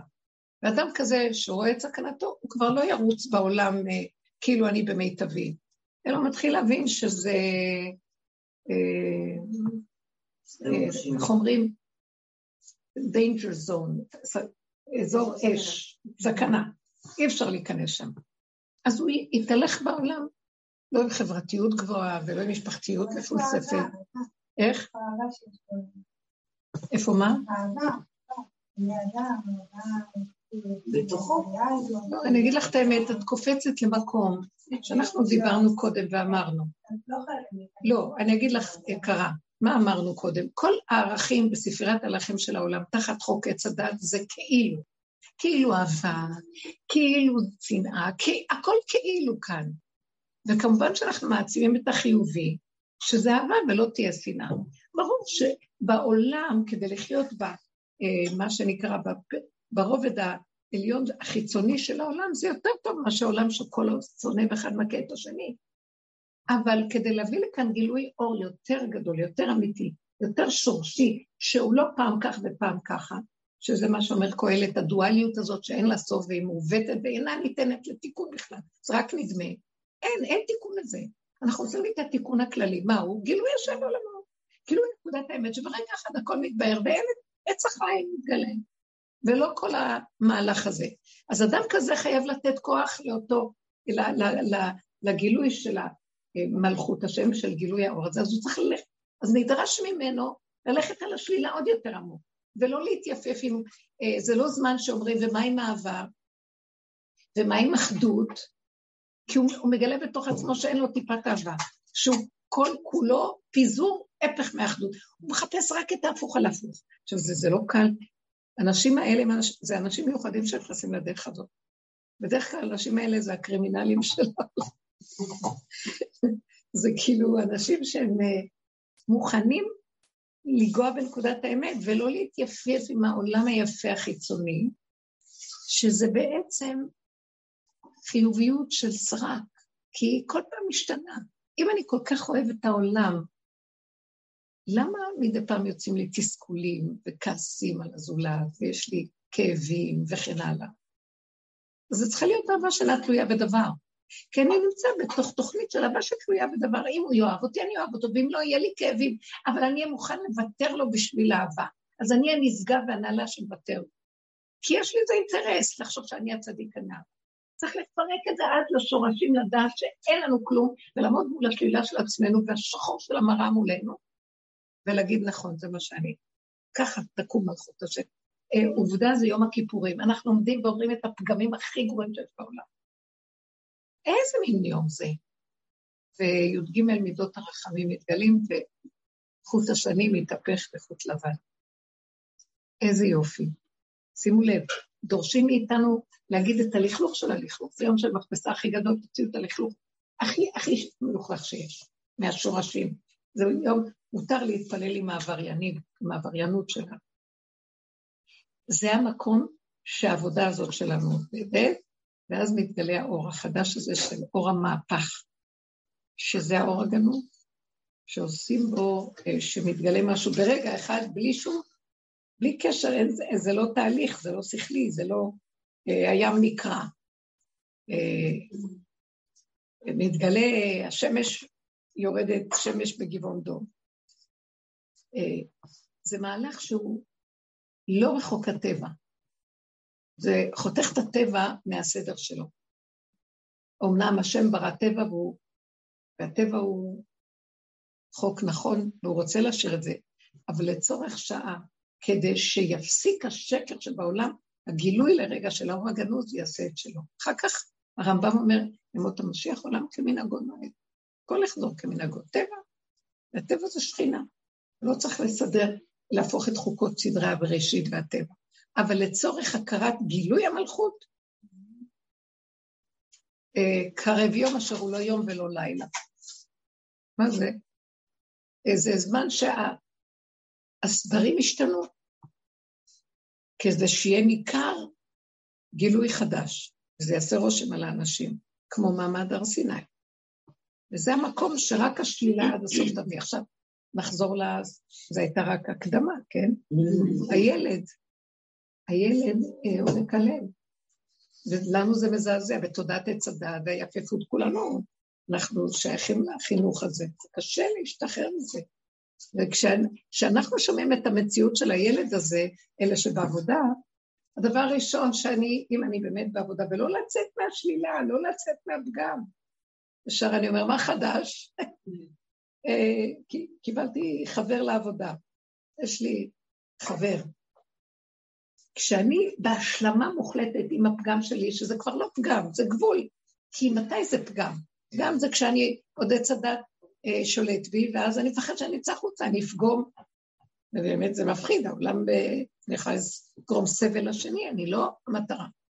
אז uh, בעצם המטרה של הפגם זה להגיע עד הסוף של הגבול ולהיכנע ביני לביני ולהגיד, אני לא יכול אחרת. זה לא צריך להיות מול השני. צריך להיות ביני לביני, זו עבודה פנימית. במקום הזה, הילד הזה יריח אותי. והוא יסתכל עליי, והוא יתרצה לשמוע מה שיש לי להגיד. כי אני והוא באותו מקום, אני, אני, אני מתחבר אליו. ולא מתוך המקום של ה... אה, לדון אותו ולהגיד לו, שמע, אין לי כוח אליך. זה קשה. זה מקום קשה. כי אנחנו כל כך נעולים על הצדקות והחיוביות של עץ הדת, תלוי בסוג של הבני אדם. אני פגשתי כמה אה, אנשים אצל רב אושר, אה, הייתה תקופה שהייתי בולשת אחרי העניין של משיח, אולי זה משיח, אולי זה כל מיני אנשים ככה. אחר כך הייתי השבת במקום שיש שם הרבה חברים של רבו שם, ויש שם כל מיני אנשים מוזרים. אז ראיתי שיש איזה ארבע שטוענים לכתר של השם השני. אמרתי, אז התחלתי להתעניין באחד, אז קלטי לי בלילה, אמרת לי, בואי, בואי, אל תעמדי לידו, לא צריך. אז אמרתי לה, לא, למה? הוא, הוא רוצה להגיד לי מהם הסימנים של משיח, אולי זה אני. אז היא נפעלה אמרתי, יאללה, כולם משיח. אז הייתה תקופה שחיפשתי וזה, אז ראיתי שלוש שהכרתי, יותר, יותר, ש... אני אגיד שתיים, הכרתי שלוש, אבל שתיים שהכרתי, שהייתי, אה, אחד הדברים שאפיין אותם, זה קשה להגיד את זה, כשנכנסתי קצת בלשתי אחריהם, אתם יודעים, לחקור, עניין של לחקור. ואז ראיתי שהם כל כך שליליים, אבל שאין להם טיפה של אה, אה, חרטה וכיסוי על השלילה. אתם מבינים? לגמרי שלמים עם השלילה שלהם. כמו איזה קרימינל שלא אכפת לו, הוא נראה ליד כולם. זה קשה להסביר את זה. ממש, אבל לא רק מול העולם, לא יודעת, זה היה נראה כאילו עד הסוף עם השלילה. אני לא יכולה לתת אה, דוגמאות כי אני אחשוף דברים, אבל אני יכולה...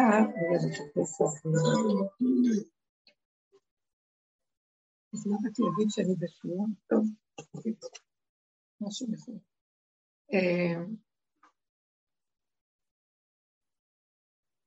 אני לא רוצה לחשוף, אני לא רוצה אצל הגוש לא, בגלל שאת השלילה שהם עבדו בחוץ איתה, מבפנים, הם פירקו אותה לרסיסים שלא היה כלום, לא חיובי ולא שלילי. אבל רק דרך השלילה יכלו לעשות את זה. והם היו, יש כאלה סוג של בני אדם שיש להם נטייה לצדקות.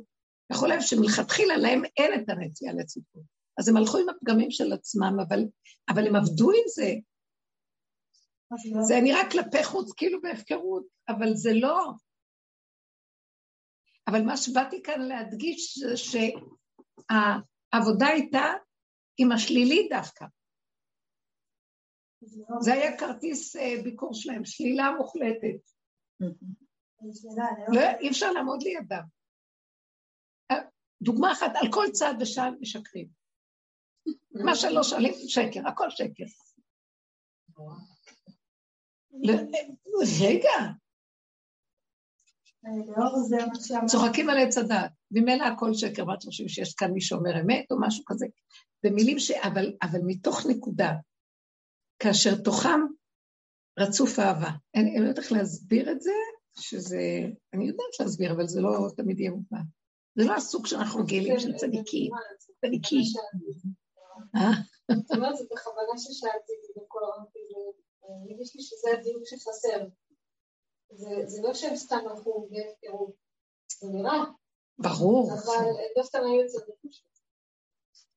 כי אני אגיד לכם, פעם אחת ישבתי ליד אחד כזה, והוא דיבר, ואני, ואני ראיתי שזה לא הוא מדבר, וגם הייתה לי איזו חוויה שאף פעם לא חוויתי, אפילו לא אצל רב אושר, של איזה גילוי אור של הוויה שאי אפשר להבין אותו בכלל. ואם תסתכלי על הבחוץ ועל כל מיני ניואנסים וזה, תגידי, מה? זה מוסתר. אבל הבחוץ, האופן של העבודה היא הדרך השלילה לגמרי. ואנשים לא מקובלים בעולם. הם אין להם כבוד ומעמד, אולי זה מה ששומר עליהם, שלא אה, גנבו לתוך ה... בדיוק. אז לאור זה איך... איך איך? לאור מה שאמרת, איך אתה מחנך ילד? איך מה? איך אתה מחנך ילד? אתה אומר לו, הכל פה זה שלילי? לא, לא צריך להגיד לילדים כלום, צריך לחיות את זה לבד.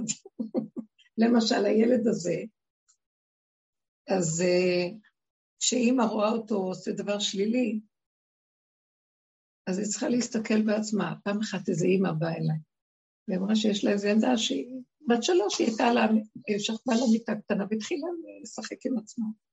אז האימא נמהלה, התחילה לצרוח עליה, ואין לי טלפון.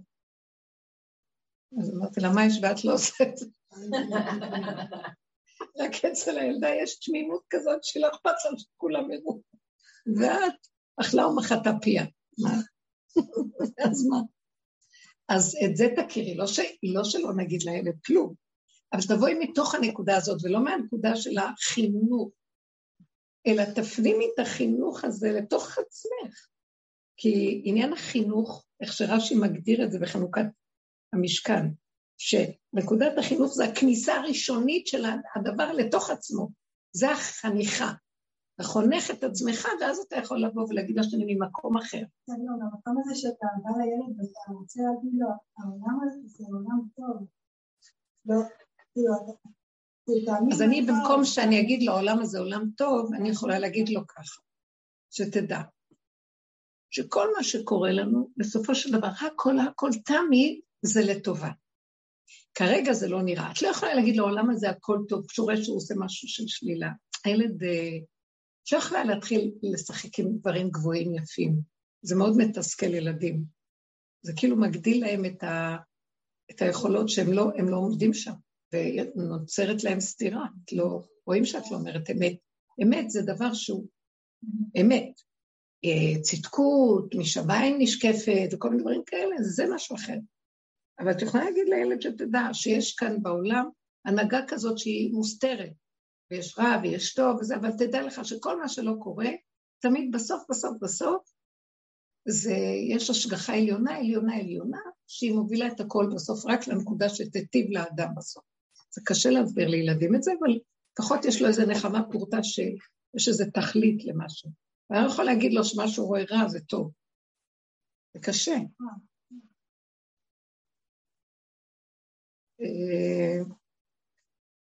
אה, יש בתור מקום שכתוב שאנחנו צריכים לשנוא, לשנוא את מי שהולך, אה, שעושה עבודה זרה.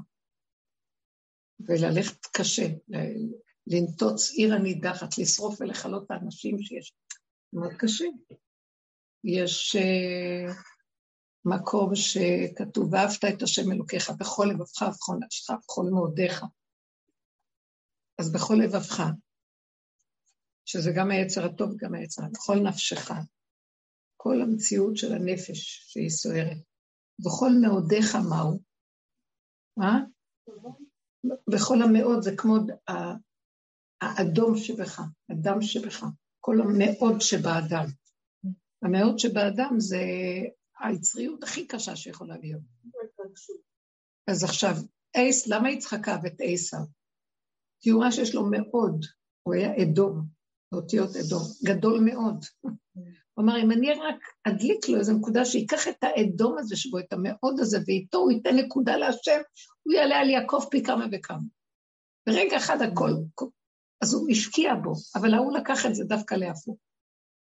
אבל הנקודה היא של המאוד, אם אנחנו, זה עבודת הפגם, דרך אגב, שלוקחים את הדבר כל כך גרוע, ואיתו אנחנו עד הסוף, אין עבודה יותר גדולה מזאת.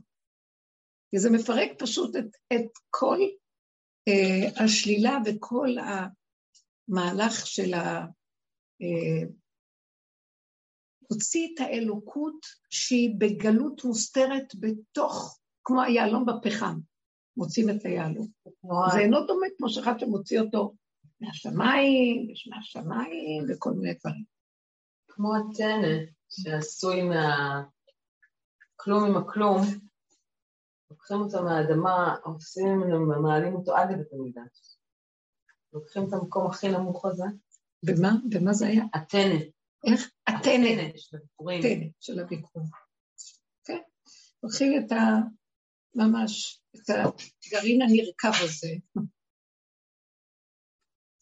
וזה המקום שנדרשת עבודה לאנשים עם נרבים, עם, עם חוזק, חוזק הלב, זו עבודת לב, זה לא עבודת מוח וכזה מקיפים וחיוביות וגבוהים, זה עבודת uh, בתוך הבוט של המציאות. ושם האדם רוצה לברוח, לא, תעמוד מול הדבר ותשאיר מבט. אה, אדם מת מפחד, אותו רגע הוא ימות, הוא חושב למות, הוא יראה אחר כך, לא, הוא לא ימות, הוא יציא שם איזה משהו. אדם מאוד קשה, אז הוא חווה מיתה. מות עד שלא תמות, אדם כי ימות באוהל. זה המקום שנדרש בה, מי שמחפש אמת באמת, וזה לא קל, כי כולם יכולים לדבר מאוד יפה, רגע אחד של... שמשהו לא מסתדר לנו, אז אנחנו כבר נראים, לא יכולים לסבול. ברור, אני מאוד מבינה אותך באופן טבעי, אני רוצה להעיף את הילד הזה ולהמשיך עם הכיתה בשקט וגמרנו. אבל הילד הזה נשלח לי שכל הכיתה לא שווה לי וכל העבודה לא שווה בשביל רגע אחד שאני מתוכי אוציא את הנקודה. עכשיו, כל עיקר העבודה שלנו זה להגיע, להיות בעולם, כשמשהו כזה בא לקראתנו, בשביל זה נולדתי, שבא פתאום ילד כזה לחיי, או לכיתה ברגע הזה, או איזה משהו שהוא סותר של הסותר. וכל העבודה הזאת מאמנת אותנו לרגע הזה. שווה רגע אחד כזה, יש, יש קונה עולמו ברגע אחד, זה זה. אם אנחנו יכולים להתאמן למקום הזה, ואי אפשר לבקש אותה, את, מהמוח להתאמן, אבל הגבול שאין לי שום ברירה מביא אותי לזה. אני, אם אני בגבול שלי וכולי רואה את הכלום שלי והשפלות הנוראה שלי, ובסוף אני מתחבר איתה, מחבק את הפגם שלי, הוא החבר הכי טוב שלי, ויש לי שום חבר יותר ממנו, הוא נולד איתי, והוא גם מת איתי, אז הוא היחידי שהכי קשור אליי. וכשאני מקבלת אותו ומשלימה וצוחקת, שהילד הזה יבוא מולי, אני מכיר אותך, חברים, אנחנו חברים, אני מכיר אותך. לא, אני לא מזדעזע כבר מכלום. זה מקום, זה המקום. אין מקום שמהפך את הדין לרחמים יותר מזה, כי נגמר הקטרוג. אנחנו באים מגבוה ומקטרגים על כולם. אני לאחרונה ממש ממש בתוכי מרגישה שאנחנו כל כך על הגבול, וכל התפילות והצעקות שיוצאות לי, זה שאני מבקש מהשם שכבר יפסיק, כי אני באה מהרובד הזה של החכמים, תלמידי חכמים, ודינים, וכל הלימוד, ואני אומרת שזה ייפסק, כי זה מקטרג על העולם, זה לא מפסיק, אנחנו רוצים שפשוטי העם יגיעו לרובד הזה ויצעקו לא יכולים. כי אז יזיזו את בית הדין, ויופיע ההיררכיה של השם, ששם יש רחמים אמיתיים, והוא רואה את המצב שהוא רואה ללבב של האדם. זה לא שיש את הרובד של ספר חוקים ש, שהחוק מחייב, זה חוקות התורה הקדושים, אבל כאן זה החוק של התורה של הלוחות הראשונים, מבשרי, איך זה אלוקה. מתורה שבעל פה, שהיא חרוטה באדם. את זה השם, את זה רואים אצל האדם, תקוע, תקוע, לא יכול.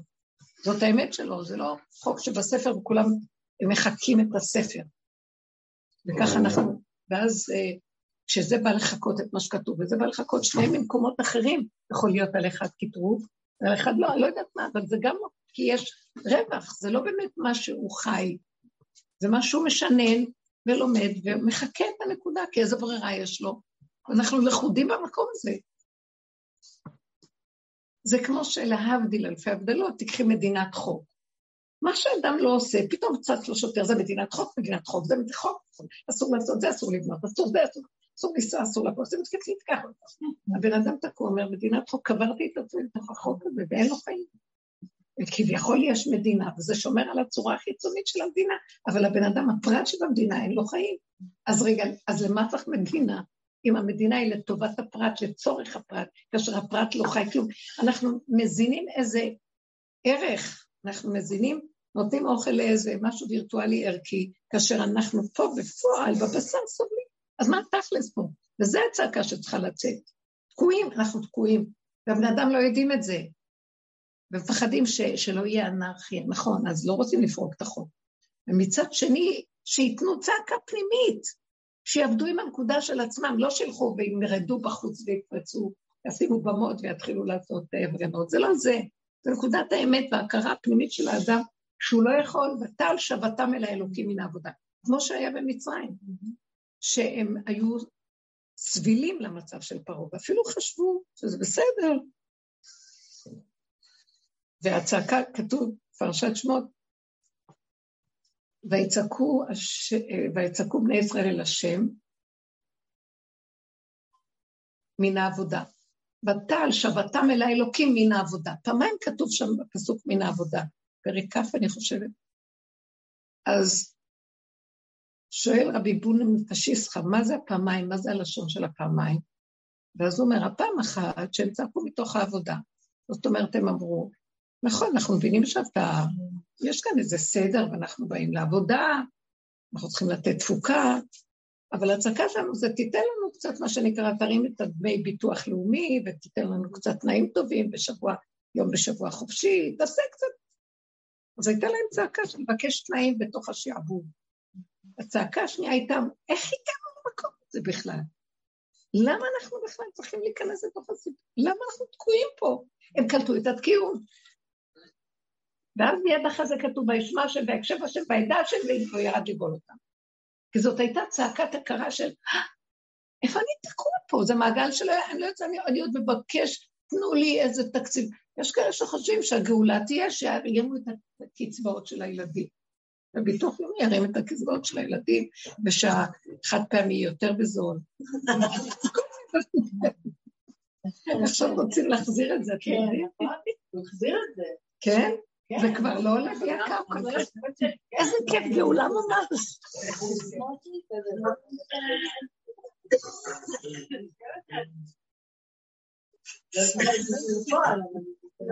התחלתי לשטוף את החד פעמי.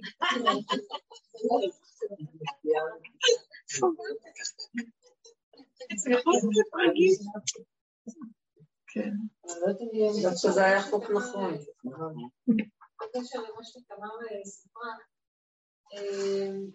כאילו מה שהיא אמרה, שתחבר לה שבעצם המצוקה של הילד זה הכתיבות של העולם, נכון שזה מה שאמרת? אז כאילו באיזשהו מקום אני רואה את זה דווקא עוד שיטה בעץ הדת. כי בסופו של דבר היא עדיין נשארת עם הילד והיא לא חוזרת לעצמה.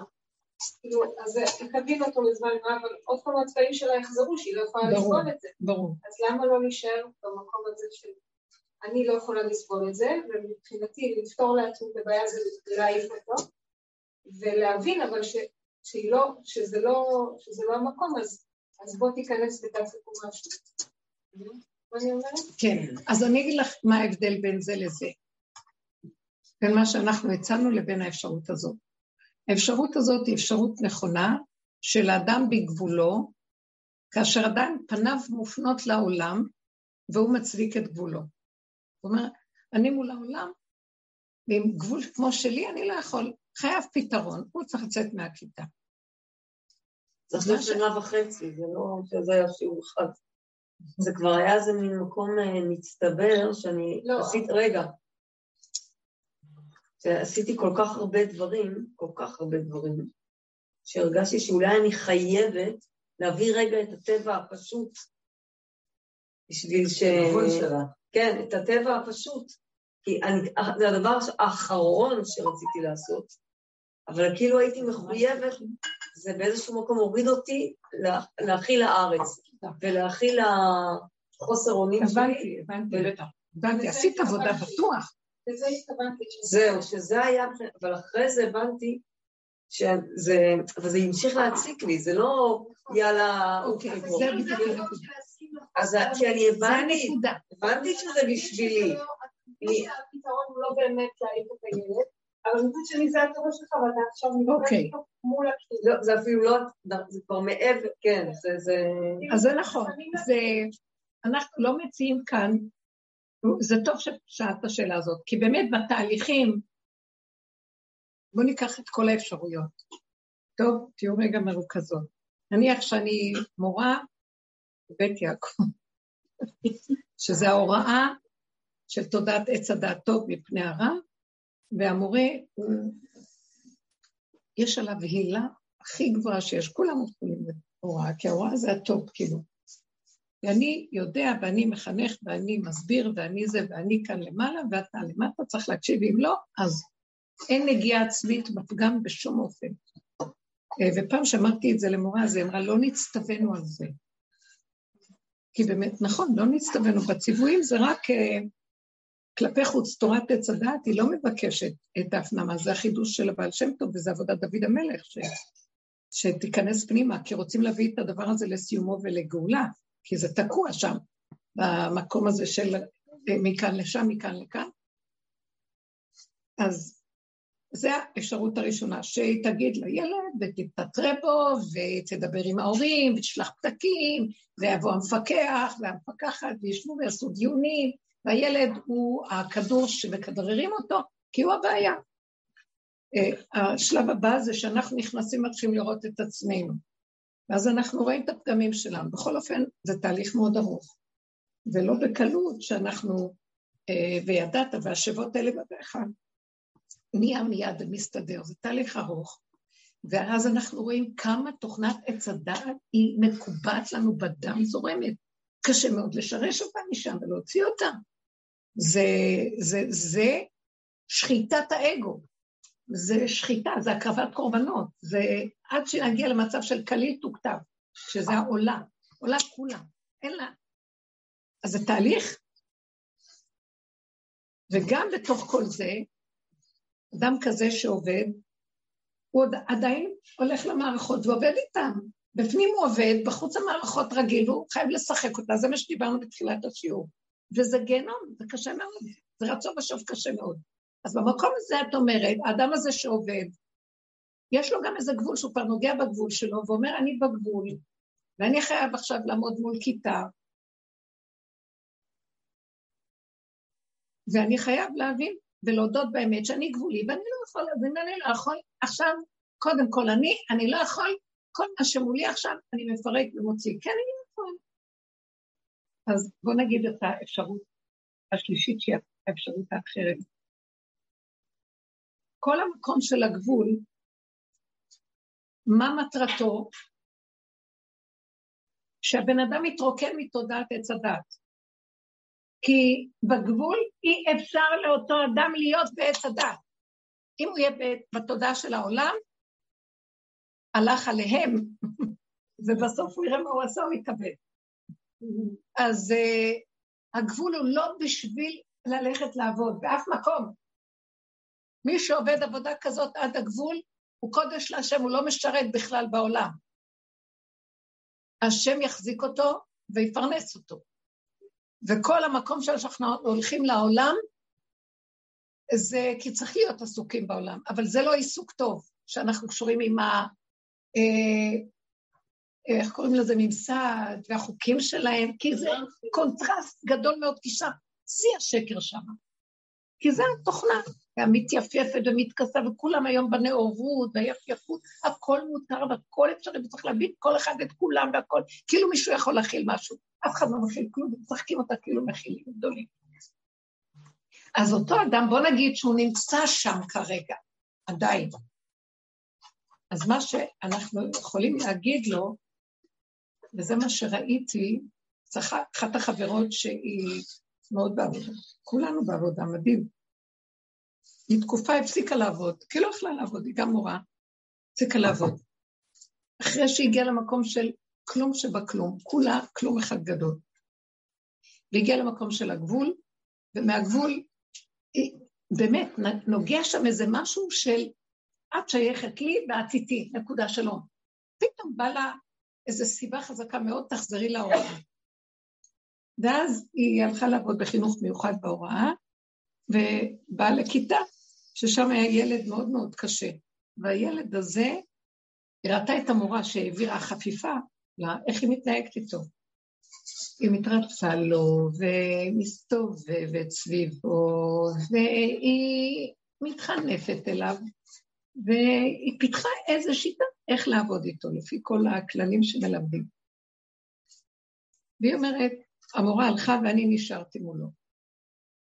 אז, אז הוא בא אליה ואומר לה, התחיל, אחרי שביום הראשון שבא, אז הוא התחיל עם הזה שלו, אה, כאילו להראות מי הוא. אז היא אומרת, אני לא עינדתי עפעף.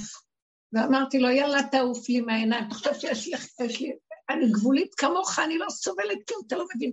ויצא לה את זה מהאמת שלה, אני בגבול שלי, מה אתה חושב, קשקש לי פה? אני יכולה, מה שאני אגיד לך, אתה תבין, אני לא יכולה להיות פה, תבין אותי וזהו. היא דיברה איתו עם האמת, אני לא זוכרת את המילים שאז אמרת. הכי הכי פשוטה, הילד הזה נעצר, סוף סוף מדברים בשפה שלו, הוא נהיה החבר הכי טוב שלה. והולך להביא לה, והם נהיו החברים הכי טובים ביניהם. האמא אומרת, אף פעם, כל אותו שבוע היא מתקשרת, אף פעם הוא לא התנהג ככה בבית, הוא, הוא נראה שהחיים שלו השתנו. עכשיו, היא לא עשתה שום דבר בשביל הדבר הזה. היא לא עשתה כלום, היא פשוט יצאה אפילו. דרך אגב, אני באיזשהו שלב גם התחלתי לקלל. ואז הוא אמר לי, אין כאן, את, כאילו, ואז יצא לו איזו הערצה אליי. אה, את רואה? בסדר, לא הייתה לי בעיה, ואני גם אה, לא, לא מתחסדת. אבל זה לא הביא את ה... זה, זה לא נגע בשורש עדיין. לא חשוב, אל תחפשי שורשים. כרגע אני יכולה להיות איתו, והוא רגע, אה, זה רגע. אני לא יודעת מה קרה אחר כך הילד הזה, אבל רגע כזה. הרגע הזה של אותו רגע שאני, בשביל זה אני נמצא בגבול, אז היא אמרה לי, אני הבנתי למה השם החזיר אותי לעולם, כי העולם צריך עזרה והוא צריך את הסוג שלי. אוטיזם, אוטיזם שלי בתוך המציאות של החברה, ש, שתתעורר. אנחנו נביא את העולם למקום של, היי, איפה אתה עם היפייפות? וכולם יתחילו להגיד, נכון, נכון, אחי, גם אני ככה, גם אני ככה, וכולם יסכימו לפגמים שלהם, ויתחיל להיות פשטות וחיבוב פשוט של אהבה פשוטה וזהו, כי ככה זה העולם. היי, התרחקנו, ואיפה אנחנו מטפסים, וכל היום אנחנו, או, מה, בישיבות מורידים שולחים בחורים החוצה, מעיפים, מעיפים, מעיפים, עד שהם נהיים לך כשבבניקים.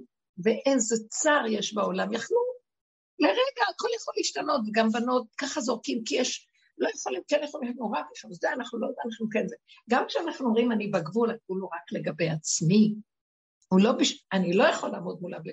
אני יכול להיות בעולם. אבל העולם שאני הולך אליו, אני לא הולך אליו, הוא בא אליי, שמתם לב? זה בני משפחתי. הם באים אליי, דמם בראשם, הם היגעו בגבול שלי, כי אין לי לאן ללכת. לא באתי אליכם, אתם באתם אליי? רבותיי, אתם יודעים שיש כאן משוגע, אז תזהרו. דרך אגב, אולי עם ילדים קטנים זה עובד. עם ילדים זה הכי עובד. אני ראיתי אימא גבולית, אבל היא גבולית נכון, זאת אומרת, אמרתי לך פעמיים, יותר אני לא יכולה להגיד, אני אומרת, אין לי זמן, זה אתה את החיים שלי, אני, יש לי ברירה, מה אני אעשה לתקוע בתוך המציאות הזאת, ואני חייבת, זה הזמנים שלי, אם אתה לא כל משהו, אני הולכת ערבה. כן, כן. וזה הגיע למקום שילד אומר לי, נכון, כל יום אני אתאבד, אני אתאבד, אני אתאבד, וזה. יום אחד היא אומרת לו, טוב, צא החוצה, תעשה את זה בחוץ, לא בבית. אין לי זמן לבית חולים. תעשה בחוץ שאני לא אראה, אבל בכוח. זה ישר מיישר בכל, כי זה מה שהוא רוצה מאיתנו, גבול. אני גם אומרת שאלת אותי פעם אחת, למה לא עשית גם בחורה שלה? אני לא יכולה לשמוע. כן, הם מקבלים את זה. ילדים, הם אוהבים את זה, זה מיישר להם את ה... הם מודים לך על כך. כן, היום כל המתירנות והכל, תראי מה קרה לילדים, לא יודעים אם הם נשים או גברים או ילדים או מה הם ילדות, מה, הכל אפשרי, מסכנים, הם סובלים מאוד, כי לא עושים להם גבול. גבול שמת בל יעבורו, כל הבריאה היא חוקית, היא גבול, גדר, גבול, מידה, סייג. המבול הרס את עצמו, אה, דור המבול הרס את עצמו, כי לא היה גבול, זה הלך והתרחב והתרחב, זה סכנה. העבודה הזאת של הכרת הפגם והגבוליות היא הבריאות, היא שפיות, היא, הגבול עובד בשביל הבן אדם, הוא לא צריך לעבוד מפה ולחפש עצות ולטכס פתרונות וכל הדבר הזה, זה, זה חוכמה אדירה שהיא בוקעת מלמטה, צומחת. אני השבוע הסתובבתי ואמרתי, בנו של עולם, איך רימית אותי? ככה אמרתי לו. כל החיים אני כל כך, אני ככה נולדתי תמיד עם כזאת בית של מקובלים, אהבת השם והשם והכל ארטילאי השם והשם והשם והשם. ובסוף אמרתי, רימית אותי, איפה אתה, שנתת לך את כל החיים, ואני לא רואה אותך עדיין, ואני לא מבינה מה זה, יש השם או אין השם, איפה אתה כסבת? התשובה שבאה לי מאוד פשוטה הייתה, הוא אומר, אתם בסך הכל צינור, יש בתוככם גרעין אלוקי, נתתי לכם גרעין, לקחת אותו מלמעלה ולהביא אותו לאדמה לטמון אותו. איפה הלכתם לאיבוד באמצע עם הגרעין? כל יום אתם מסתובבים עם הגרעין. תטמנו אותו באדמה. משם הוא יפרח ויהיה משהו שאתם צריכים אותו. אז אתם עדיין ברחתם באמצע, זה הגלויות, לרוחניות ולמעלות ולחיוביות ולידענות ולמה לא. אה, תחזירו את הגרעין לאדמה, יש, לו, יש בתוככם גרעין, זה הכל, צמצום. לקחתם אותו ואתם רוצים לשים, לשים אותו באוויר, לתקוע לו, איך אומרים, לנטוע אותו באוויר, אתם נתתם אותו. זה הגלות. גלינו מארצנו והתרחקנו מאלת, ואין אנחנו יכולים לעלות, להיראות ולהשתחוות. אנחנו לא יכולים לעבוד אותו כי זה דמיון. בואו לבשר, בואו לגבוליות, בואו למקום, כך ועכשיו, זה מה יש, זה החוק, זה הגדר, זה המידה. צמצום המוח, ושם מבשרי. התחיל לצמוח, זה צמח דוד עבדך תצמיח. משהו שהוא לבד פועל ועושה הכל, ופורח ומוציא ציצים ופרחים, והכל קורה לבד, ובנחת ורגיעות, מאת השם, איך אנחנו אומרים, שאמרו חז"ל עתיד, אה, הבן אדם לצאת לגן שלו בשבת לעתיד לבוא, והוא בהיסח הדעת, הוא ישכח ששבת ירצה לקטוף תאנה, והתאנה צועקת שבת. היא עוצרת אותו, היא עושה בשבילו את העבודה. למה אנחנו צריכים לחיות ככה? מי יכול לשנן כל כך הרבה ולדעת כל כך, והחרדה תמיד, אוי ואבוי, לא עשיתי טוב, כן עשיתי טוב, ואז מרוב ייאוש עושה יותר גרוע, וגונב פה וגונב שם, וכבר לא יכול כלום. וזה, הגלות הזאת חייבת להיפסק, וזה הדרך להפסיק אותה. לנגוע בגבול, להודות באמת ולבקש את הרחמים. והשם, המילה של האמת, הגבול, מתוכו בוקע משהו שפועל עבורך ועושה. עכשיו, זאת עם הצינור, שאמרתי לכם את הסיפור הזה, תפורה. כן, עם הצינור. אז אה, זה עשה את העבודה, הם נבהלו וחזרו אחורה. גם השוטר ברח. כאילו בא לעשות סכסוך אה, משפחות, סכסוך שנים, מה יש לך להציע? זהו. עובדה, וזהו, וכולם נרגעו. כן, השפריצו עליה חזרה, לא? איך? לא. לא, לא, לא. לא, היא השפריצה על כולם עם הצינור ונבהלו, כי הם איזה תרבות יפייפות, כאילו, זה. אז היא אמרה לה, צריכה לבקש ממני סליחה עוד השחתה. אני לא מכירה אותך, לא יודעת מי את. שמעתם?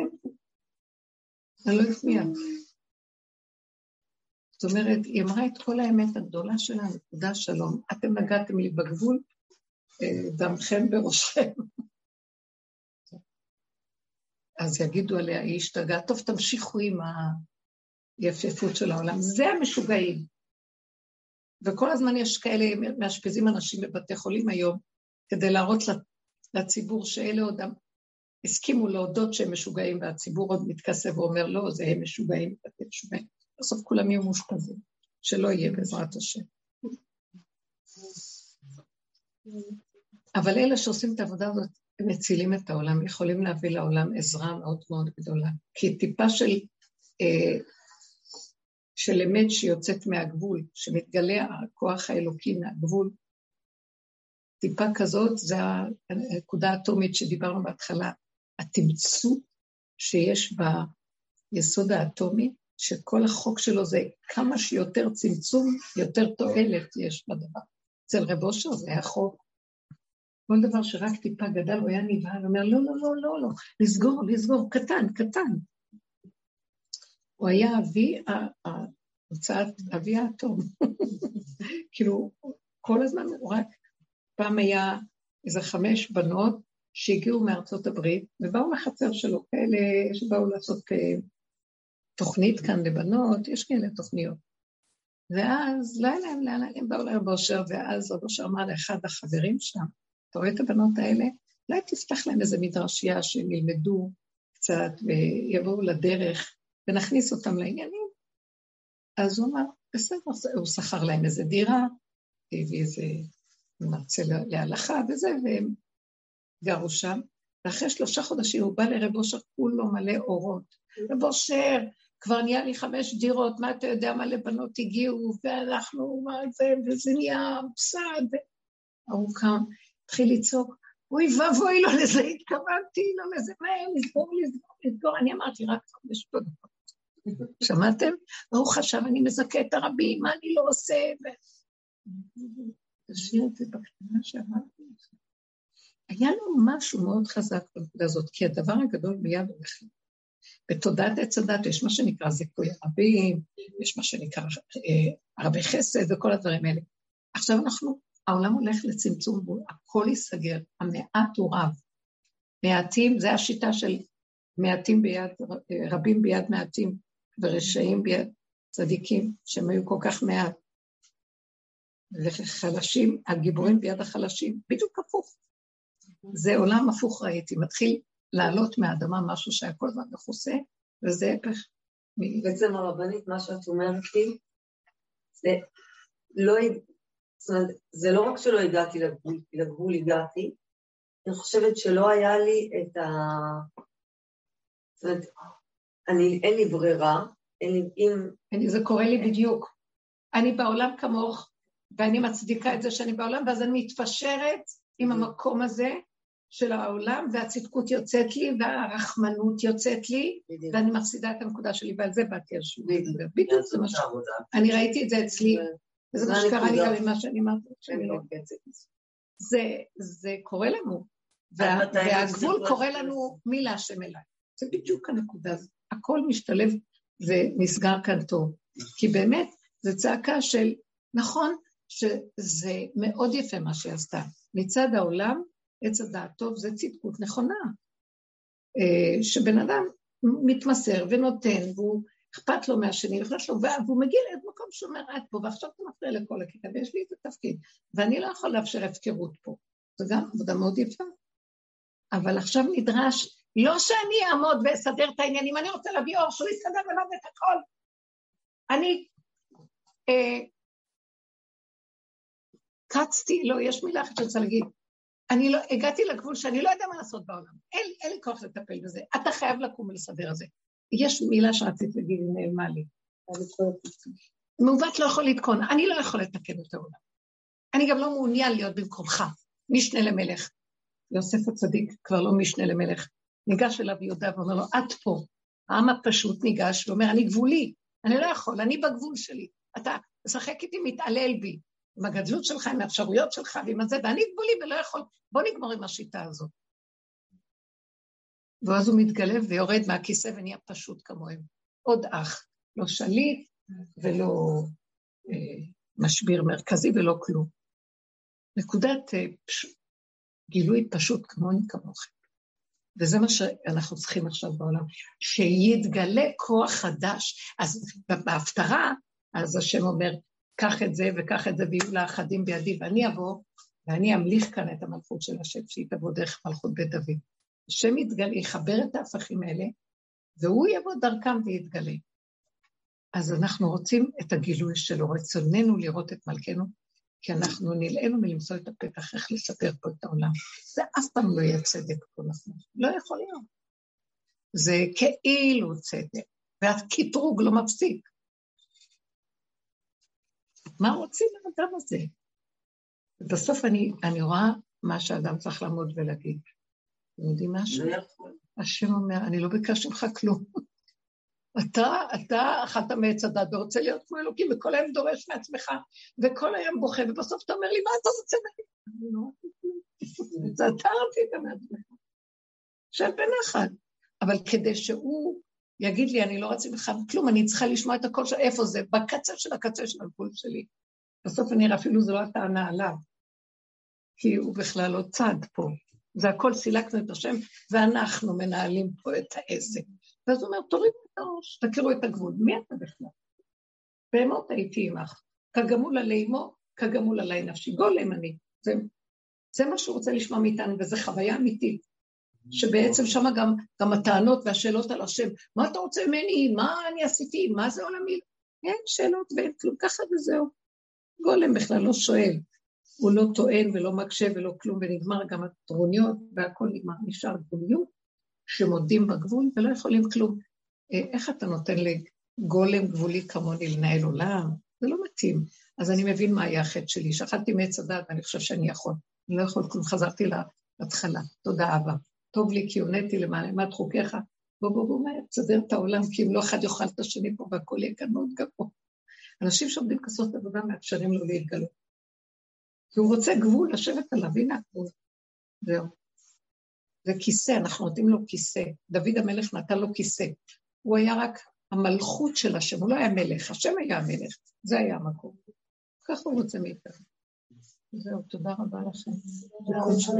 שהשם נותן דיבורים בזכותכם, אני אומרת לכם, אני באה ריקה, ואין לי כלום. אני רק באה ריקה עם התסכול התמידי, שמה, מה, מה, ואז אני אומרת לעצמי, מה התסכול? זה עוד המחשבה של עץ הדת. דנה אותי בתסכולים האלה, אין לי כוח לדין הזה, אין לי כוח, זה קטרוג שאנחנו גורמים לו. נשלים, נקבל ונגיד, אין לנו כוח לזה יותר, המערכת הזאת תיפול. אנחנו מזינים אותה על ידי שנותנים לה התייחסות, ומצטערים. תודה רבה.